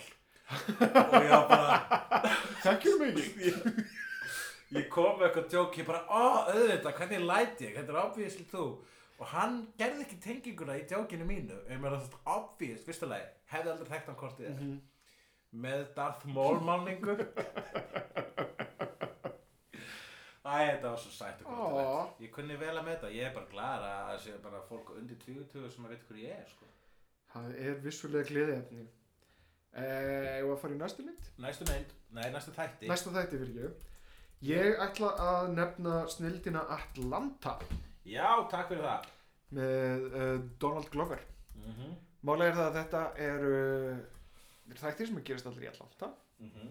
fjalla um uh, Paperboy Já, rapparan Paperboy og, og umbóðsmannin hans Donald er- Glover er leikur Paperboy. Þetta er, þetta er sko, mm, Þetta er ekki svo einfalt. Hei, hann, er, hann, er, hann er ekki Paperboy. Þetta er, sko uh, málega er það að þetta er þetta er eiginlega bara svona lífið einhvern veginn innan í hip-hop heiminum og leiðin upp fræðastíðan í Atlanta Já. og þetta, þetta er fallegt, þetta er raunsætt en á sama tíma þá eru hluti svona eins og uh, það er einnig rapparinn sem er alltaf að tala um nýja ósýnlega bílinn sinn já og er alltaf að sína selfie myndir þar sem hann stendur við hlýðina bara tómi uh -huh. og bara bendir Svo þóttar hann að Wonderwoman Mhm. og síðan, meira, síðan kemur atriði setna þar sem að, þar sem að er shootout eitthvað og allir að hlaupa í burtu og þá sést allt í hennu hann sitjandi í ósynlegum bíl, keira og svo fólk þjótast út í ah, Ég elska það. Og þetta er bara svona bakgrunn svona weirdness sem er það. briljant en þetta er allt saman raunsætt en ekki raunsætt en mjög raunsætt samt. Já, ég held að þú þurfi ekki að segja meira um þetta. Nei, þetta Ég held að þú gast ekki komið Ég sverða Þú seldir þetta rosalega vel Mhm. á þessum bíl En þegar þú sagði raunsæmt en ekki raunsæmt en samt einhvern veginn raunsætt Mhm. Þá var ég all in. Þetta, er, þetta er bara þetta er fegur, þetta er alveg þetta er búið að vera nammið mitt einhvern veginn að horfa á. Já, en, já, uh, veit, þetta hik þarna það var uh, algjörlega ástæðalösu ég veit ekki hvaðan það kom. Þetta, það var, ég datt aðeins út. Já, ég eiginlega bara mæli með að horfa á þetta. Það, þetta, er, er einn af þessum ég, ég nefnilega, ég, ég hef alltaf erfitt með að segja frá hlutum vegna þess að ég vil að fólk upplifa magic af því að sjá hluti Já, það er ennþá, þú, þú, ert, þú ert að lýsa þessu vel, Ævar minn. Þú Mm. ert að það, Ævar minn grái. Um, ég ætla þá að segja það hrindaði niður en hann skringilega stiga en Ég, það er ekki hægt að hrinda mig niður hann vegna að ég er niðri. Veistu því hvernig þingdarafl virkar? Ævar minn grái. Þú ert með Akkur finnst þessu leðilegt að ég kalla Ævar minn vegna grái? þess að þú veist að þetta fyrir töðnum en þú heldur því samt á Manstu, manstu í áramótapartíinu þegar Ingibjörg var alltaf að segja Ævar minn grái, svo Mhm. hlóun. já, Ég var svo gladur að þetta hefur skilað sér út í veruleikan já, já, að fólk er að vísa í hefnund og þá Sandra tónlist, þetta. kúl tónlistakona eins og Ingibjörg Turki mm, ég veit það Alla, en ég, og, og líka hinn grái eða minn grái. Já. Ekki slæmt viðnefni nei, ég meina ég hef heyrtu verri. Ég meina, þú veist, ha- þú veist Gandalfur grái. Mhm. Já. Já, ég, það er ekki það sem ég set, Hvað Set finnst- mig upp á móti. hvað er það sem meikar ekki? Það er það að þú hættir ekki þegar ég byrði um að hætta. That's it. ok, en þú, hversin særi hætti til að byrja með? Eh, vegna þess að þú veist, þú sást það að ég var svona pyrraður og En þá ég- hugsaður með þér, að, eh, gefum mig eitthvað í höndanum Ah, ok. hérna. I get Það er that svona rekkjusvín í þessu. Já, en ég meina, ég myndi, svona hrekkjusvín, alveg hrekkjusvín, myndi þú segja eitthvað meinfísnara en minn grái. Mhm. Já, ég veit það, málið það, það sem þú ert að segja sko, er þið- rosalega Þegar ég minnist. segja ævar hinn grái, það er alveg nóg cool, en þegar ég segja ævar minn grái, það er Mm. bara mín leið til að segja ég elska þig. Já, ok. Ok? Ég skal taka því sátt á þeim fórsendum. Já, gerðu það þá. Uh, þá ætla ég að segja þátt uh, þættina, ég ætla þá ætla ég að segja Black Mirror. Mm. vegna þess að Black Mirror uh, ég ætla að segja að þeir hafa aldrei verið betri þó að það sé stjúft í áræðinu tekið var með það í Honorable Mentions. já, nei, ég er með ég, Það voru Night Off reynda líka þannig að þú ert að dekka þarna. já, en bara Black Mirror er sko uh, ég glaður að ég sé Honorable Mentions þér að því að þú sért með þætti ég er svo hrættur að við náðum ekki upp í nýju og ég er svo lélugur í glápan í ár Já, en uh, Black Mirror vegna þess að þeir í ár síðasta ár þá komuð með sex þætti en ekki þrjá eins og vanilega aha, og það bara ég er að Chris, ég er Charlie Brooker uh, að eilífu þakkláttu fyrir það. Og mér finnst þetta flawless þáttaröð vegna þess að þegar þeir eru ekki eins og það, þú veist, lélegustu þættirnir í þessum þáttaröðum eru samt ógísla góðir. Já, en, en ok, ég, það var eitthvað sem ég var að hlusta á núna um daginn þar sem að það verið að tala um, ó já, ég fíla Black Mirror, ég fíla líka Black Mirror, ó, var það, fíla þú líka San Junipero, já, San Junipero, og það, og það sá þáttur einhvern veginn, er orðin uppáhalds þáttur allra. mm. og þess vegna ekki þinn uppáls Nei, nei, nei, mér finnst- það frábær þáttur, mér finnst það besti þátturinn. Já, af þessu sísunni hann er bara fallegur, einlegur og bla bla bla. Uh, en Nosedive finnst mér finnst mér líka frábær og þetta veist góður sko og hérna og ég veit ekki þetta, Ég fyrst, veist, besta double feature sem ég hef upplifað, upplifði á síðast ári var að horfa á, uh, skal ég þér segja, Shut Up and Dance og San Junipero í röð. mm Vegna Shut Up and Dance er super dark. Það er eiginlega bara svona, það hefur valla verið svona dark síðan fyrsti þátturinn sem var þarna með svínunu. Ef við tökum ekki með þáttinn í annari sériu þarna með refsingunni uh -huh. Um, og og reyndar White Christmas. White Christmas var mjög dark, já. Mhm. Já, já, shit. En, uh, en þessi Sjálfur Dance, hann var sko Hann náði svipuð myrkri uh, Og hérna fyrsti þátturinn mm. uh, Í fyrstu þátturinn Vegna þess að það gerðist í heimi sem var ekkit sci-fi. Nei ég veit. Það gerðist í það bara notaði tæknina. Já, bara þetta gæti hafa gæst mm. Og uh, og það grimm brjálæðislega grimm Ógeðslega grimmur og bara áhörundum ekki hlýft sko. Mhm. þeir voru búin að setja tilfinningar á svo eitt stað og svo bara okkur sagt að fokka okkur þaðan sko. Kom hann á undan og eftir San Junipero hann kom nefnilega á undan Ha- og svo það- þegar það- San Junipero kemur eftir og svona svaladrykkur í eyðimörkinni. skítin að þér ég var bara svona Ooh baby reggae son of butter Ooh, heaven is a place on earth Mhm. og og já, þú veist ég bara ég, ég hef heyrt fólk nitpikka yfir hinn og þessu en bara, þú veist, konseptið Black Mirror og hvernig hefur verið staðið að því er of beautiful og ég vona að þeir taki þetta úr sambandi áður en þetta fyrir að dvína vegna þess að ég trúi ekki að eitthvað getur orðið svona gott svona lengi. Ég sko, mér finnst það eiginlega næstu í latur ef þú horfir á til samanburs hérna, Twilight Zone. Þeir mókuðu Twilight Zone var samt alveg, þú veist Twilight Zone uh, hafði öruglega sinn slatta af lélugum mjög mikið slatta. Já, þetta er alltaf það. bara gæða. Já, Black Mirror er alltaf gera Það Ég er- þátturinn í öllu var reyndar í þessari nýjustu 6 þáttar seríu svo Mm. mm. þáttur nummer 2 sem var þarna um tölvuleikin já, já, já. Hann var þáttur sem að mér fannst nánast fyrir sjáðalegu mm en uh, uh, hann var samt góður þú veist. Uh, hann var hefði verið mjög góður X-Files þáttur Mm. þú veist mér finnst líka þátturinn hana með uh, skrýmslunum hana sem Mhm. voru, mér finnst hann eh, ég, ég vissi alveg hvað var að fara að gerast Ég vissi hvað var að fara að gerast það en bara ég hafði ekki ég hafði kannski séð þetta í myndasögu áður mér en ekki séð þetta í live action og mér fannst það uh, Já. vel gert endurinn á því fannst mér hefði mátt vera meira skýr Já. Ég var, bara samt, ég var samt alltaf einhvern veginn að býða eftir hann kláraðist og það var rosalega mikið af svona efni þannig undan já, ég myndi segja þessi næst sísti þátturinn í, í þeirra þátturöð en bara skilabóðin mm -hmm. það er bara, þau gæti ekki verið sterkari Mhm. og bara í hérna gott staf í veröld sem við búum í dag hér er verið að sko að blanda saman ádölu á stríð og ádölu á hérna, dehumanization í gegnum digital tækni sem að í dag við þekkjum aðalega sem tölvuleiki. Það er líka fallegt hvernig Black Mirror smitast í raunveruleikana því litunum til að fólk hefur kallað þetta Donald Trump dæmi allt saman. Það the worst Black Mirror episode ever. Ná hva- fucking quo. Og það er að það er sorglegt og merkilegt við Black Mirror þættina að það eru svona spátumar sem rætast svona tveimur vikum síðar mm sem að er skeri uh, þanga til að fara að fara til San Junipero. Já, þess vegna er San Junipero það er líka, þú veist uh, hann er æðislega vegna þess að það er fílgút þáttur í þáttaröð sem er gengur út af það að láta það líð, líða illa. Hei, ef þú fyrir til San Junipero hvort myndir þú fara sem ungi þú eða sem einhver annar? Hvað gefur skynni, ég sé ekki ennþá ungur. Ég er við erum að tala um svona tvítu í Tvítu ég? Já. Æ, já, sem við gerpi þá maður. Já, en, en myndir þá velja að vera einhver annar uh, annar kyn Ég finnst í sætastur svona í kring, ég finnst í sætastur eiginlega núna. Já, já, já við, erum kallar við, við njótum þess að, að apparently þá verðum við.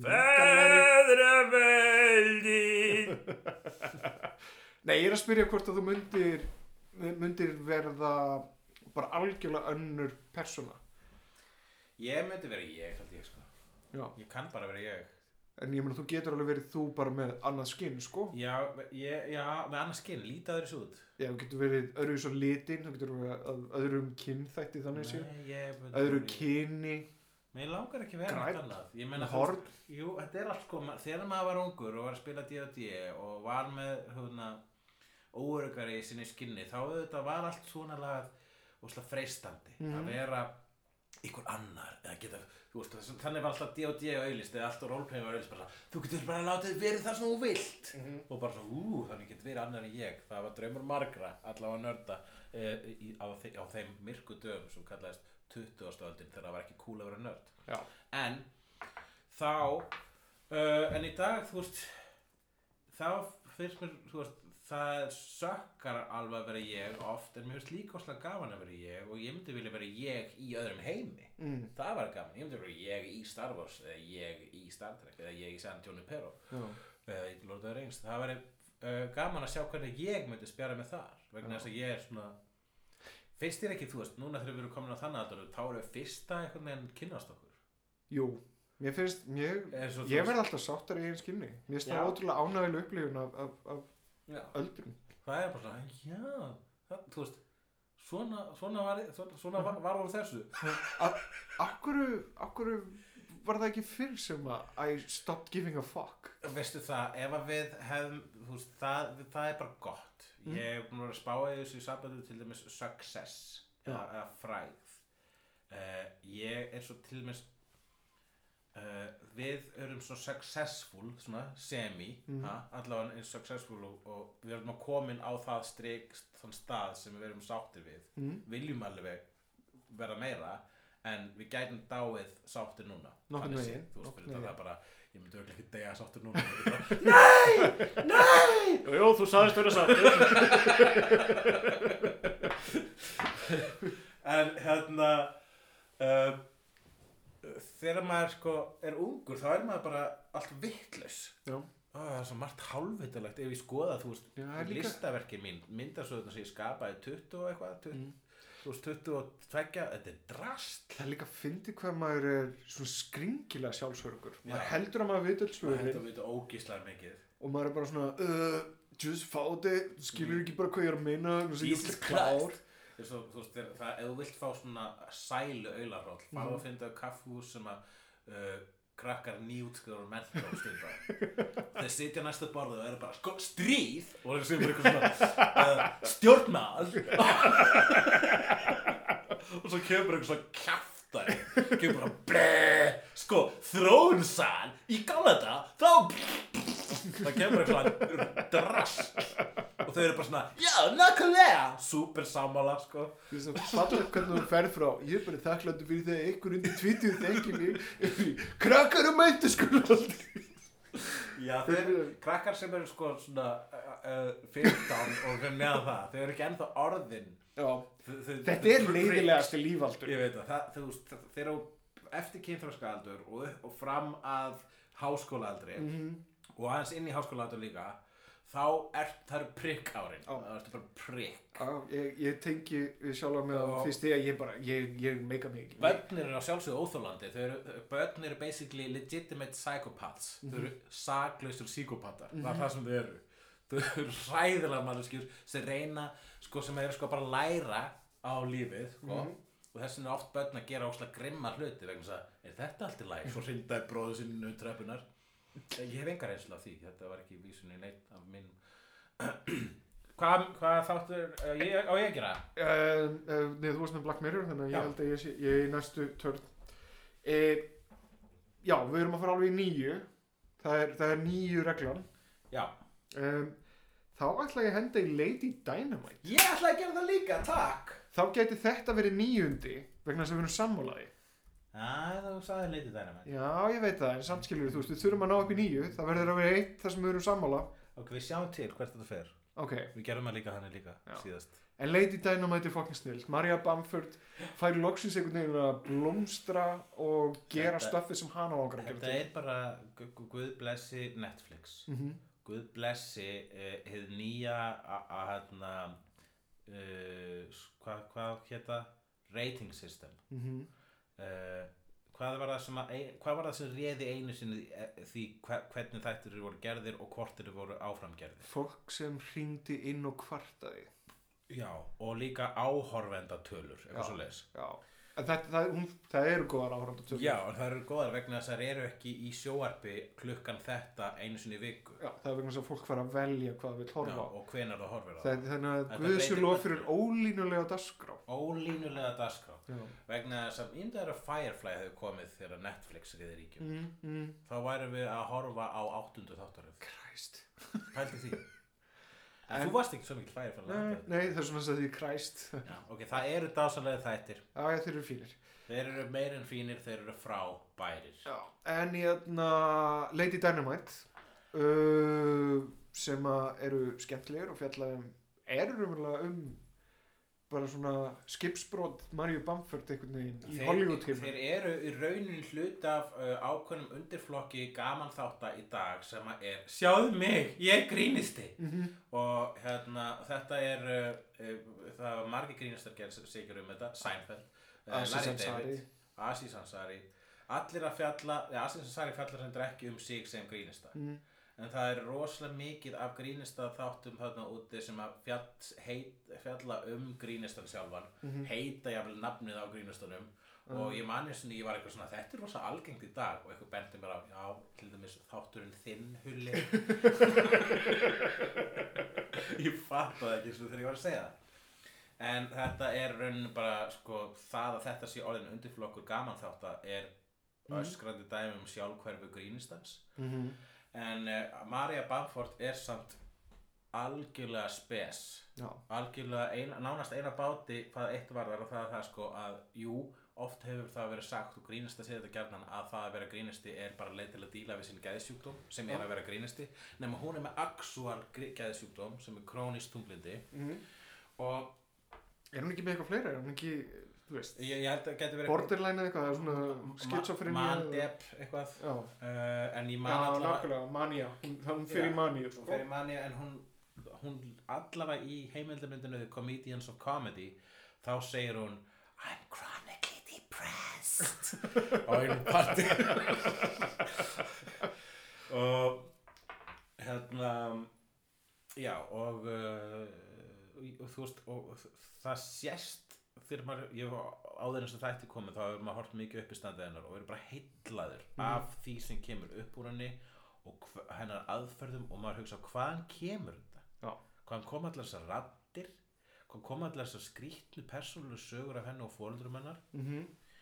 og það kemur bara svona þú veist, svarið er bara já eins og frámögum Grímsson, kemur úr hennar lífi og úr hennar heila. Og Ólafur Darrir í Ólafur seríunni? Darri þannig að kæristan hennar einu tímabilið svona honorary re- mention mention, mm re- Þetta er fallegt, þetta er fyndið, þetta er skrítið. Köflum er þetta næstu í óþægilegt. Eins og gott grín. Mhm. Uh, þá ætla ég að segja. Ok, ég ætla að segja þætti. 1 2, 3, 4, 5, 6 við erum búin að segja 6 þætti, 3 Aha. eftir. Ok. Ok. Mundu Þetta var það sem við vorum sammála um Þetta var það sem við erum sammála um. Þá ætlum ég að segja eitt sem við gætum verið, kæri vinnur, ósammála um. Ok, Þess að ég veit að það eru slatti af meira þess að nördum sem að voru ekki sáttu við þetta þó að þessi þáttur koma beint úr nördaheimum, mm. beint úr myndasögum, þættir byggður af myndasögu. Hvað er ég að tala um? Ég er að tala um Preacher. já, jú, mér finnst þið finnir Já, Aðalega fyrstu svolítið fastur í F orðinu hérna í dag. Já, mér finnst þér, mér finnst þér ekki alveg frábæri En mér finnst Cassidy frábær Sko, uh, Ég hefði viljað fá meiri macho í Jesse Custer Þetta er fyrsta lagi er öll þessu þáttarau og það sem er mest frústrerandi við hana hvað hún var lengi að koma sér þangað og tók allar þáttarinn að komast þangað en hún er origin story Mm. í Macho Custer Já. þannig að hann verður macho í lokin Mm. hann verður svona fuck you guð Já, og það, það sem er það sem að the, Jesse Custer er. Já, það sem er náttúrulega sko ég uh, hef það sem er sko erfitt að venjast Mm. vegna þess að uh, Preacher er svo mikil biblía no pun intended. Að það er saga sem allir þekkja maður las pínu intended, eða ekki? Jú, pínu e, Þegar fólk segir no pun intended er það ekki alltaf það, intended? það, það, það, það er alltaf að merkja fyrir Segðu, segðu ekki snett Mm. Ég meinti það ekki, vegna þess að ég klá Já, ég, ég, þegar ég byrjaði að segja þessa setningu þá fattaði ég hún átti eftir að enda á orðinu biblíu. Þannig að þegar ég byrjaði að segja setningunum þá var no pun intended. En í miðri setningunum rétt á hann að orðið biblía kom þá var pun intended en samt sagði ég no pun intended. Mhm. þannig ég laug í setningu um Nákvæm- biblíuna sem er einhvern veginn ekki ironist já. En uh, En ok, Það sem að hún gerir þessi þáttur er það að hún fer ekki þá segir ekki sömu sögu hún segir eh, allavega, já, hún segir ekki sömu sögu við þekkjum úr Preacher myndasögunni. Það er allavega ein augljós ástæða fyrir því og hún er svo að hvers vegna að gera í spoiler hrættri veröld eins og hún er í dag gera þátt byggð á einhverju sem þú getur basically bara flett upp spoilernum. Já, ég er nefnilega sko, málega er það að um, mér finnst flottir hlutið þarna eins og Jessie Custer einhvern veginn að læra á máttin sinn. Uh, hún hérna hvað er það náttúrulega? Daisy? uh. Tulip Tulip? Hún er frábær Hún er, all, hún er mjög ó, svolítið ólíks hér er hún nei, ég meina þú veist, hún er eiginlega sama Tulip og hún bara- endaði sem skilur Já, bara aðeins fyrir ég, hún nefnilega verður miklu meiri hún er aggressífari karakter heldur en Custer Já, í þessum þáttum sem hún var ekki endilega í bókunum Mhm. og uh, ég er bara svo langt síðan lesa bækunar ég þarf að fletti svo öllu aftur upp uh, Saint of Killers er fín. Flottur, já. Er, er ég að nota vittlust F-orð hérna? Ég meina ef að allt er fínt þá að það ekki heima á þessu lista. Sko ok, þetta er þitt val. Já, já, ok. Þú hefur alltaf ekki á þinn list þetta er fínt val. Fínt að þér. En, hérna, en já, nei, ég er meina mér finnst þetta mér finnst þetta bara, já. Það sem ég fannst frá- frábært við það sko ef að þú hefur aldrei lesið myndasöðunar og veist ekkert um það þá er myndið þér örugglega finnst þetta awesome. Mjög fínt jafnvel. Ef þú hefur allavega þegja. Ef þú hefur allavega svona eitthvað svona s- smekk fyrir hinn óhennilega hinn skrýtna og sérstaklega hinn hryllilega mm -hmm. og, og hinn kaltæðina uh, og uh, og ég þú veist, þú, veist, bara basically ég málega er að þetta er svo ríkur heimur. Þetta er ein stór saga sem hann gerði. Mm. hann gar þenni, svo Steve Dillon hvíl í friði. Mhm. Og hérna heimur er fullur af karakterum Já. þetta er bara svona og ofurheitju heimur bara svona eins og Ma- Marvel heimurinn nánast Mhm. eða, eða bara svona, já og þannig að sko, ef þú ert að fara að gera sögu byggð á einhverjum Marvel heiminum þá ertu ekki að fara að taka þetta, þá ertu bara að taka karakterina og gera nýja sögu það er það sama sem er verið að gera hér það er að sjálfsögðu heilagra heldur en að taka Marvel það er bara ein saga Mhm. en núna tekur að hana og obviously þá eins og við vitum núna þá er sagan, hún fjallar um leitina guði til að geta löðrúka hann Mhm. og það er rauninni eina svo þart þessa, þre- þessa þrjá karaktera Cassidy, Tulip og Custer Já. leiðilega við þetta og þetta er það sem ég kalla Malcolm in the Middle uh, einkennið Mhm. er það að titilpersonan er eiginlega leiðilegasta personan já, já það, mér finnst sko í myndasögunum er Jesse Custer frábær já, í þáttunum finnst mér að minna frábær. Já og það er, ég vonast, vonast til að hann verði frábær uh, hann var bara, hann var sko svo bældur í allar þessu seríu og þessi seríu fjallaði svolítið um það að hann lærði að hætta að vera bældur. Það er kannski þegar hann fyrir að hittir gamla fjölskyldinu sinna svona, það, það, það Ú. getur verið hressandi. hvað það verið spennandi. Hressandi kapla á það seríunni. verið creepy. Mm -hmm. og það sem er, er sko, hérna. það er sko, það sem að ég var með smá ekki af að þau myndi aldrei fara neitt mm -hmm. Vegna þess að fyrsta, þessi fyrsta þáttaröð í einhverju sem vonandi verður heilsteift uh, þáttaröða serja Mhm. það er að segja serju það sem ég vona að vera marga serjur uh, er það að í stað þess að hafa þetta road movie sem að Preacher er, það er eitt stort road movie þá er þetta smábæjardrama, þetta var Twin Peaks Já. þannig ég til þess að sætta mig við þetta og hugsa, ok, þetta er bara eins og Twin Peaks núna, þetta er smábær með fulla skrýtnum karakterum og, uh, og það hjálpaði mér í gegnum þetta og um leiðu ég sætti við það þá var þetta æðislegt. En síðan um leiðu ég fatt að þetta var að stefna í eitt stort movie þá fannst mér það awesome. Já, það er kannski vegna þess ég, kannski er þetta hluturinn sem ég var svolítið að býða eftir að það er movie þátturinn að þessu sem að mér Mm. finnst skemmtilegast. Það verður að vera næst. Mm -hmm. ég með ekki vera að stoppa svona, ég vona næsta þáttur að verði ekki í annan bæ og vera Já, þar við mm -hmm. við Mm eða fyrir ekki bílið -hmm. og og síðan í fangelsið í, sko, í Og myndas, síðan í- myndasögunum þá var bílið eitt, eitt tölublað, kannski Mhm. tvö tveir kaplar Já. en þarna var það heil þáttaröð mm. sem að ég skil svona upp á kostnar þau þurfu ekki alltaf að finna nýtt location sko. Já, það er Fángels endist mjög lengi í myndasögunum og svo bara gafstu upp á að lesa Ef að fara í næsta Já, eh, Næsta er eh, seria sem bara byrtist í pósthólfinu hjá mér. Og þessi ekkert á undan. Og bara allt hérna poppaði póstur frá Louis C.K. sem sagði hei, ég var að búa til nýja serju hérna er fyrsti þátturinn.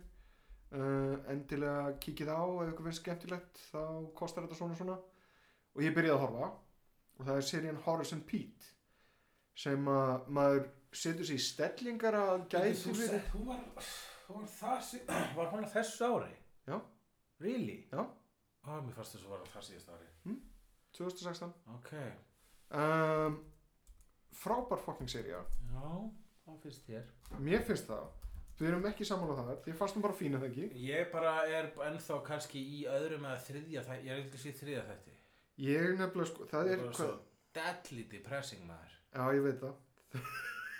Og, Þe- og þú veist, mér finnst þetta ekki einu þú veist, vel skrifað og allt þetta en bara ég er ég stoppa þetta bara, ég ætla að horfa eitthvað skemmtilegt. Þetta endar á einhverjum stað ég lofa þér því. Já, uh, þetta, er, þetta er sjálfstæð eining og hver þáttur er skrifaður einhvern veginn í mómentinu og hann bara svona ég finnst þetta bara að vera meira leikhús heldur en sjóvarp ég er sammálað því, fyrir mér er þetta bara svona Arthur Miller leikrit. Já. sett á svið í getur það gegnum ekki sett þetta á topp leikrit ásins gegnum einhverjum hvað, 10-12 þætti eitthvað sliðis Já. þetta er, mér fannst þetta dásund sko að ég bara, ég, ég veit ekki hvort ég muni klára þetta sko. það er heill þáttur sem er bara einfallega frásögn einnar konu og það er valla klift af henni. Yes, oh Mér fannst það- awesome sjóvarp briljant, bara ekkert að segja frá. það er ekkert briljant við það það er bara að þú ert að taka, þú ert að taka upp leikrit. Það er búið að gera BBC gera þetta miljón sinnum. Mhm. það er ekkert briljant eða groundbreaking við það. Nei, en efnið stendur fyrir sínum. Ég meina, þetta, er, þetta er tragíst leikrit um vennulegt fólk á bar. Þetta er uh -huh. þúsund sinnum í leikhúsi. Já, það sem hann gerir er að setja þetta í sjóarp er það gott sjóarp? þetta er gott efni. Þó, ég er ekki að þú veist, ég er snill að skrifa. þá ertu að ruggla því að, að ruggla því saman að þú hafið séð formið áður en efnið er annað. Fólkið þarna er annað. Það er mínist þarna í gangi. Þetta er, þetta er maður svona setur sér í stellingar vegna þess að þetta er svona næst í sitcom setting. Að þetta sé grín en tónninu er öðruvísi. Þetta er íhugult, þetta er dramatist þetta er skringilegum fléttum Steve Buscemi uh, Alan Alda Jessica Lann uh, og Louis C.K. sjálfur og þetta er, þetta er saga sem að, sem að vefur upp á sig meira og meira og meira þú ert reyndar akkurat að kaplanum sem verður svolítið svona mm, ok, ég er satt svona sm- smá arguing for argument býtu bara þar til Uncle Pete fyrir út Ég, þetta, er, me- þetta, mjög, ég, þetta flott, það er rétt hjá, þetta er gott. Ég á bara erfitt með að sitja kjur yfir þessu sko. mm. Þetta er bara svo sorglegt, þetta er svo satt Mm. og, uh, og það er bara, þú veist, kannski er vegna þess að við hefnundur eru svolítið mikið í escapismannum og þarna er, þetta er ekki escape. Þetta Nei. er bara svona, hei, fyrir ekki að lífið mitt er ekki nógu ömulegt, ég ætla að horfa á and Pete. þetta er pínlítið eins og þú veist, þannig Louis C.K. lísti einhvern tíma sjálfur að að- þegar deburinn einhvern veginn sækir á mann að í staðin fyrir að flýja hana að bara einfallega gangi inn í hana Ok, ok, það er mjög góð rauk. Mm -hmm. Já, go gott, flott, takk. Má ég segja það síðasta sem ég held að við getum verið sammála um? Ok, það síðasta sem við getum orðið sammálum Já, ok, uh, Westworld. Vestöld og bara frekar gott. Ég finnst það bara æðislegt. Mm. Hvað ekkur bara frekar gott? Svolítið lengi að koma sér efninu Já, Ég er að leiður á þessum rökum Ég sé þetta í þessum spjallvefjum sem ég er að fylgjast með á Facebook Já. Ég er svona lörkar í hinum hinum þessum grúpum og er bara svona, hvað er það að segja?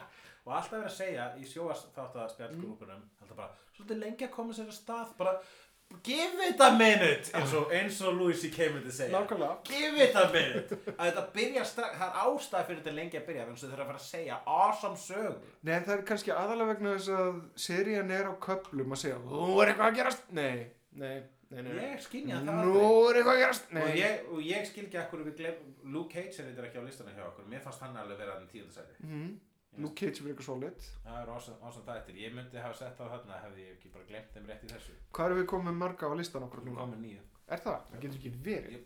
Nei, Stranger Things, Fleabag, The Night Of, Atlanta, Black Mirror, Lady Dynamite, Preacher, Horizon Pete, Westworld. 1, 2, 3, 4, 5, 6 Hæ, vá. Er þetta, er þetta sérið þetta nýju? Þetta er að serið hérna nýju Hæ, Hæ? Ég var með eina seríu sem að ég var með Rassassan vegna sem ég held þetta einu eftir. Já. Og það var hérna það var hérna Full Frontal með Samantha Bee. Já, ég- er það samt tökum við frétta útskýringa þetta með? Nei, og fyrir það að John. Oliver ætti heima með líka Já, þá ætti John Oliver að vera þarna og þá ætti að fara að taka þú veist spjallþætti. En mér finnst bara Full Frontal Samantha Bee vera svo fáranlega góður mm og mér finnst það miklu betra heldur en The Daily Show er í gangi núna. Já, já, jú. nú að Trevor eins, eins og hann er hann, hann bara kemst ekki með tærnar þar sem að, að Samantha er með háa hælan sína. Já, já, ok. Þannig að, já.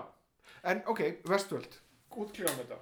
Mér fannst þetta góð serja, mér finnst þetta mjög góð serja Mér finnst svona æðisleg Mér um, finnst þetta vera það mest poignant mm, sem hefur verið sagt um artificial intelligence í leiknu efni ever. Ég get tökið undir það, Já. það er rétt Og það bara setur það beint á listan okkar. Sko. Hvað með Bicentennial Man? Það er svo mjög góður. Bæsinn Tellingmann er bæðið við pælingarnir í henni eru alls ekki slæmar. Ná, ég veit að það er líka vegna þess að smásagan eftir Isaac Asimov er geðveg Já, og einmitt þetta hérna, loka kaplinn þar sem að hann verður ástfangin að mennskri konu og hann vinnur í því að gera sig mennskan og setur í sig mennslífari en hún er að deyja til að halda sig á lífi og þá setur hún í sig fullt af gerfi lífarum þannig að smátt smátt byrjast hún í velmenni en hann í mann og svo deyja þau samtímins og það er svo fallegt! Ef það var ekki ömuleg mynd. Robert fucking Zemeckis. A.E. AI, það er fullt flott þar en bara var skrítið afgreisla Já, ég, mér finnst, svo mynd sökkar ekki það er, hún er eitthvað off. það er eitthvað off. Hún, ég held að hún mistækist á nákvæmlega sömu ástæðu og Mission to Mars mistæknaðist vegna þess að það er atriði þarna svona kumbaya atriði í Mm. lokin. Mér finnst eitt reyndar miðið mitt A.E. að það sem allir leiðast í hring. Já, ekki láta það gerast í bíómynd bara það, það verður skrítið. En mér finnst þess að A.E. sem er nákvæmlega sama vandamál og uh, Full Metal Jacket að fyrri hlutin á myndinni er miklu betri heldur en hinn hlutin ég hata ekki tinn hlutan. Ekki ég heldur. Nei, Ég er bara að tala um það að betri hlutin er fyrri hlutin. Já. Þannig að þegar þú heldur áfram að horfa þá ertu bara svona, hæ, Mér finnst ekki eins og að vera fyrri og setni hluti. Mér finnst það að vera alveg svona upp að miðja og endir sko. það er þegar að David er einhvern veginn reikin að heiman og hann reynir bara að elska mömmu sína og endar síðan með þessum gígaló-róbót einhvern veginn Já, og þá- hafra um í yðurlendinu Þá verður roadtrip sko. Þá faraðu í hérna, velmenna hérna, White Trash uh, Gladiator dæmi sem ég myndi segja ver, er eitt vesti kapli já það mætti klippa þannig kapl út hreint. Hann er svo mikið svona það er svo skrítið þegar að gera svona post-apocalyptic Mhm. white trash allir eru bara eitthvað svona algjöra skeppnur mm Já, en ég meina að þú horfir á þetta frá þeim fórsendum svona eins og bestvöld Þetta eru bara vélminni Nei, en síðan reyndar þegar við þurfum að spára í það þá enda sá kapli með því að krakkinu er sko oh, don't hurt me eitthvað áleika og fólk segir hei, ekki með hann hann Aha. er með tilfinningar. Mhm. og allt í einu fólk það fær samkend Já, þannig að það er, það er kannski eitthvað. Ég þarf að sjá þessa mynda aftur. Hún er samt ekki Spielbergs besta, langt í frá. Já enda er hann ekki að gera Spielberg. Já, en Spielberg ætti ekki að gera Kubrick. Nei. það er bara, það er skrítið. Hvernig, hvernig getur þú, veist, tekið tekniskasta leikstjóran og sett hjartalíasta leikstjóran já. og reynd að láta það mixa? Bara vegna getur skrítið. tekið sadistan og látið, þú veist E.T. knúsaran Nei, hvað hva getur, hvað er svona? Það er ekki gott. Sástu, sástu bæði við BFG, hún er ekki góð. Nei, ég, ég sá trailerinn og ég var ekki að hlaupa í bíó sko. eitt gott atrið og það er bara mjög svona off Spielberg einhvern veginn það er að prumpa þannig að þið fljúa Já, það er mjög flott. Þa. Það er bara Roald Dahl, eða ekki? það er bara, já, ekki Spielberg samt. Ok, en Westworld, ég, hérna, það sem er flott við að hún er náttúrulega, sko, þetta er tvist seri ásins, þannig að hún er svo mikið full af tvistum að það er næstu óþúlandi, ég vona þegar ég fara í aðra seri og þá taka ég ekki svona, jafn mikið mindfuck, vegna þess að þeir eru komin yfir það. Já. Ættu frekar að fara í í straightforward eh, sögulínu. ég er nefnilega búin að vera einhvern veginn að færast meira og meira á þessa línu varandi skrif að hætta að svona búa til tvist og búa og hætta að búa til hver er morðingin stemningu að bara einfallega sína hver er morðingin og sjá hvað, hvernig fólki líður Það var einmitt bara gallin við eh, From Hell bíómynduna versus bókina að bókin er ekki er, þar, þá séru frá upphæf hver morðingin er en í bíómyndinu fara að komast það í lokin og þetta var bara þú veist, ég, meina, ég, ég, er samt, ég er samt brjálæður hræstnari vegna þess að- Stella Blomqvist er á, leiðin tökur. Og það er með öllu þessu sem ég var að tala um það og fulla kliffhanger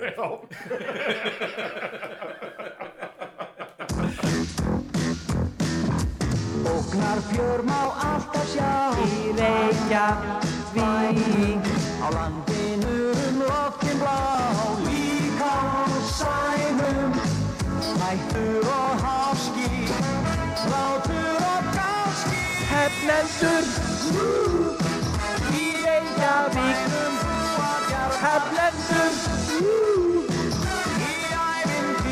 lendar þess Hefnendur